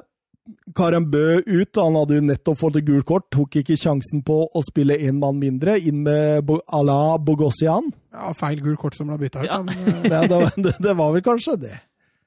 Eh, ja, Brasil mye mer med. Kan si at det har vært det beste laget etter pause. Frankrike spiller mer på det safe nå og sender ikke så mange spillere framover på banen. Og, og, og det, er, det har litt med også det at det, i denne perioden igjen så var ikke Zidane så fremhevende. Og da er også eh, Frankrike dårligere offensivt. Mm. Det merker man veldig. Eh, så eh, så er det jo Givars-sjanse igjen etter ja, da ble bytta litt morsomt, Han dette. ble bytta ut rett etterpå. Ja, Da da, da tenkte- tror jeg og nå tenkte. Nå er dette går ikke, ass. Men Kafu Cafu der, da? Der feilberegner du spretten og bare skal heade den tilbake til Men keeper. Også. Det er riktig person for Kafu sin del, som får den der. Han bare lukker øya og brenner til. Ja, han gjør det, han gjør det. Og da, da er det dygarien. Ja. Jacquet da, da var han lei. og, eh, men så, ett minutt etterpå, DCI, rødt kort. Altså, det er, det, er jo, det er jo så unødvendig. Det er jo, det er jo, han er jo oppe på en kontring, og så takler jo, han takler jo Kafu før, før han fikk gull, og så takler han Kafu igjen før han fikk uh, sitt andre gull òg. Rett og slett for seint. Og Altså, det er to unødvendige. Den første er ikke noe, ja. er ikke noe bra, fornuftig gjort, det heller. Og så blir han så sur etter den første. Ja, det er jo det han får gult for, tror jeg. Ja. At han klager litt. Og da legger eh, Petit seg ned som midtstopper for DCI og Frankrike i en 4-4-1-blokk. Eh, bytte da for Brasil, Sampaio ut og Edmondo inn, og her kommer det en liten morsom historie. For denne Edmondo, skjønner du, det er en type Dere har sikkert hørt om den før. En ekstremt kontroversiell type, både på banen og, eh, og utafor banen. Han blei jo kalt det dyret, eller animal. Det dyret, ble han kalt. Det dyret. Det dyret, ja. På norsk, liksom. Det dyret. Han ble kalt det på norsk. Nei, han ble kalt, han ble kalt eh, det, På brasiliansk, tror jeg. Det dyret.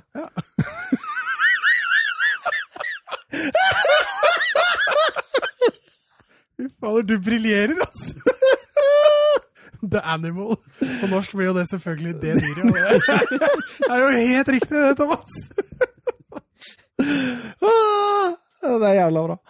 Men eh, det jeg skulle si, vet du at han, eh, Mondo, Jeg leste en historie om han, og det var veldig funny. fordi han, Etter mesterskapet der så ble han saksøkt av en dyrevernsgruppe for å ha leid inn et sirkus til å ha i, i bakgården sin for at sønnen skulle ha bursdag.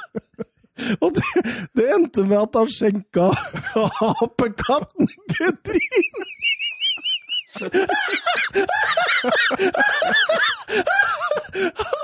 Han, skjen- han skjenka apekatten Pedrini på, på vin og øl, sånn at han måtte bæres. Apekatten måtte bæres. Han orka ikke mer. Og da fikk han saken på nakken, ja. Ja, da fikk Men over til det mer alvorlige òg, da. Så har han jo vært også dømt for en fyllekjøring hvor han, som kosta tre mennesker livet. ja.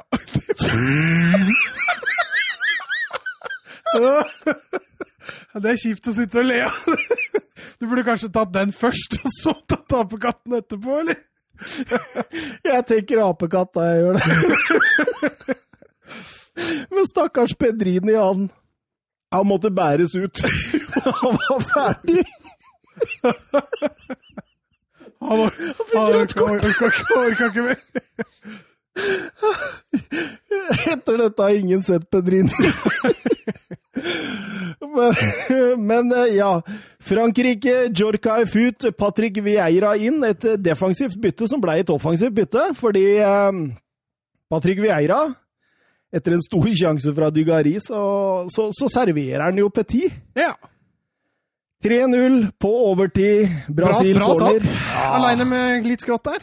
Og det er jo en nydelig kontring. Ja, ja. Brasil har sendt absolutt alt opp i håp om å, å få en, en scoring der. Eh, Frankrike, verdensmestere for første gang. Nå sitter ikke latteren jævlig langt unna. Nei, jeg tenkte jeg skulle gi tre stjerner til Pedrini, jeg. eh, ja, eh, Ronaldo. Blek finale.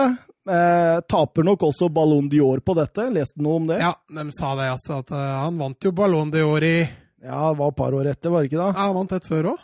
Var Ja, 97 stemmer det, han vant. Eh, Ja, for han ble jo kneskada den sesongen etter. ja, korrekt, korrekt. Men han vant den igjen i 2002 eller noe sånt. Stemmer. Mm. stemmer.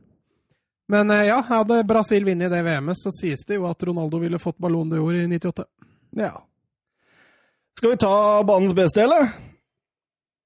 Ja, Vi begynner å lakke og li mot to og en halv time her. så ja. Det var åtte grupper. og Det er klart det Vi må finne en løsning til 2002, altså. Gruppespillet må vi gå mye fortere gjennom. Mye fortere gjennom gruppespillet, er vi enige om det, eller? Ja. ja. Banens beste, Mats. Ja, altså jeg, jeg er litt kontroversiell. Jeg har satt Petit. jeg. Syns han styrer eh, 95% av eh, Frankrikes spill, og mye starter ved Petit. Eh, To stjerner til Zidane. Eh, Han er jo egentlig finalens store spiller. Han får to mål og Men jeg syns han har sine perioder. da. Han er perioder hvor han ikke er til å se, og andre perioder hvor han er briljant. Eh, Og så én stjerne sto jeg virbe, vippa litt mellom, mellom mellom Champ og Djorkaf, og landa på Djorkaf. Ja, søren. Jeg, har, jeg tenkte også mellom Zidane og Petit på tre og to, men jeg endte opp med Zidane på tre stjerner nettopp på grunn av de tre målene og de, den delvise briljeringa, selv om Petit også spiller en fantastisk finale, og da får to, og jeg ga én til Deschamps. Jeg ga Bedrini. Både tre og to og én, du. Nei, jeg, skulle ønske jeg var så tøff som Mats. Det var jeg ikke. Satt eh, Zidane på tre. Um, kunne like godt satt Petit, egentlig. Altså, jeg, det er vanskelig å ikke ta Zidane, men jeg ser jo den. Eh, Mm. For han er jo egentlig den store, store finalespilleren. Men Petit, da, når du ser kampen, han styrer og eier og Jeg huska ikke at Petit var så god. Altså. Ja, det var nydelig. Ja, men jeg huska det ikke fra når jeg Ja. så finalen i 98. da. Mm. Når jeg så den igjen nå, så bare Fy fader, så bra han var. Og like god som stopper. Ja, Som, ikke minst! Som, ja, ja, det er det som var Jeg tenkte når jeg så den, eh, når er det de skal sette inn han stopperen sånn at eh, Petit kommer seg høyere opp på banen igjen? Ja. Det skjedde aldri. Jeg syns eneren var mye vanskeligere. Ja. Eh, hadde jeg skulle valgt en brasilianer, så hadde det vært Cafu, med det unntaket av at han eh, hedda gjennom Guvars der. Eh, ah, Du, du har fortsatt ikke bestemt deg? Eh, jo, jeg har, men jeg, jeg har satt opp noen navn. eh, DCI hadde vært helt naturlig om han ikke hadde fått rødt. Så syns jeg han var god. LeBuff var god. Eh, men jeg tror jeg gir den til Tyrann. Rett og slett fordi han var, hadde stålkontroll på bekken. Jeg synes, altså, jeg, jeg, jeg kan godt være enig med dere i både Djorkauf og Deschamps, og, men det, det var fordi det var veldig Det, det var Petit og Zidane som var best, og så var det et kobbel etterpå med gode Ja. prestasjoner. Så du, du kunne var- nesten tatt hvem som helst. Det var allikevel fire-fem franskmenn før det var en brasilianer. Ja, det var det kanskje. Jeg, jeg er for så vidt enig med det. Men jeg, jeg likte Cafu, da. Jeg Ja, altså Han var den eneste brasilianeren synes jeg, som kom derfra med noenlunde æren i behold. Altså deilig å se han dra framover på de der løpa sine. Mm. Altså. Helt nydelig. Men Pedrini, du får Du får hvile. Hvil hvile hvil i fred. Sov rusen av det. Ah. Åh, to timer og 32 minutter, gutta. Ja, det er ikke gærent, det. Vi, vi må gjøre noe med det gruppespillet Ja. til 2002. Vi kan ikke vi sitte og ha over en time gruppespill. Altså. Nei. Så der eh, skjerper vi oss. Ja. Det har vi sagt før.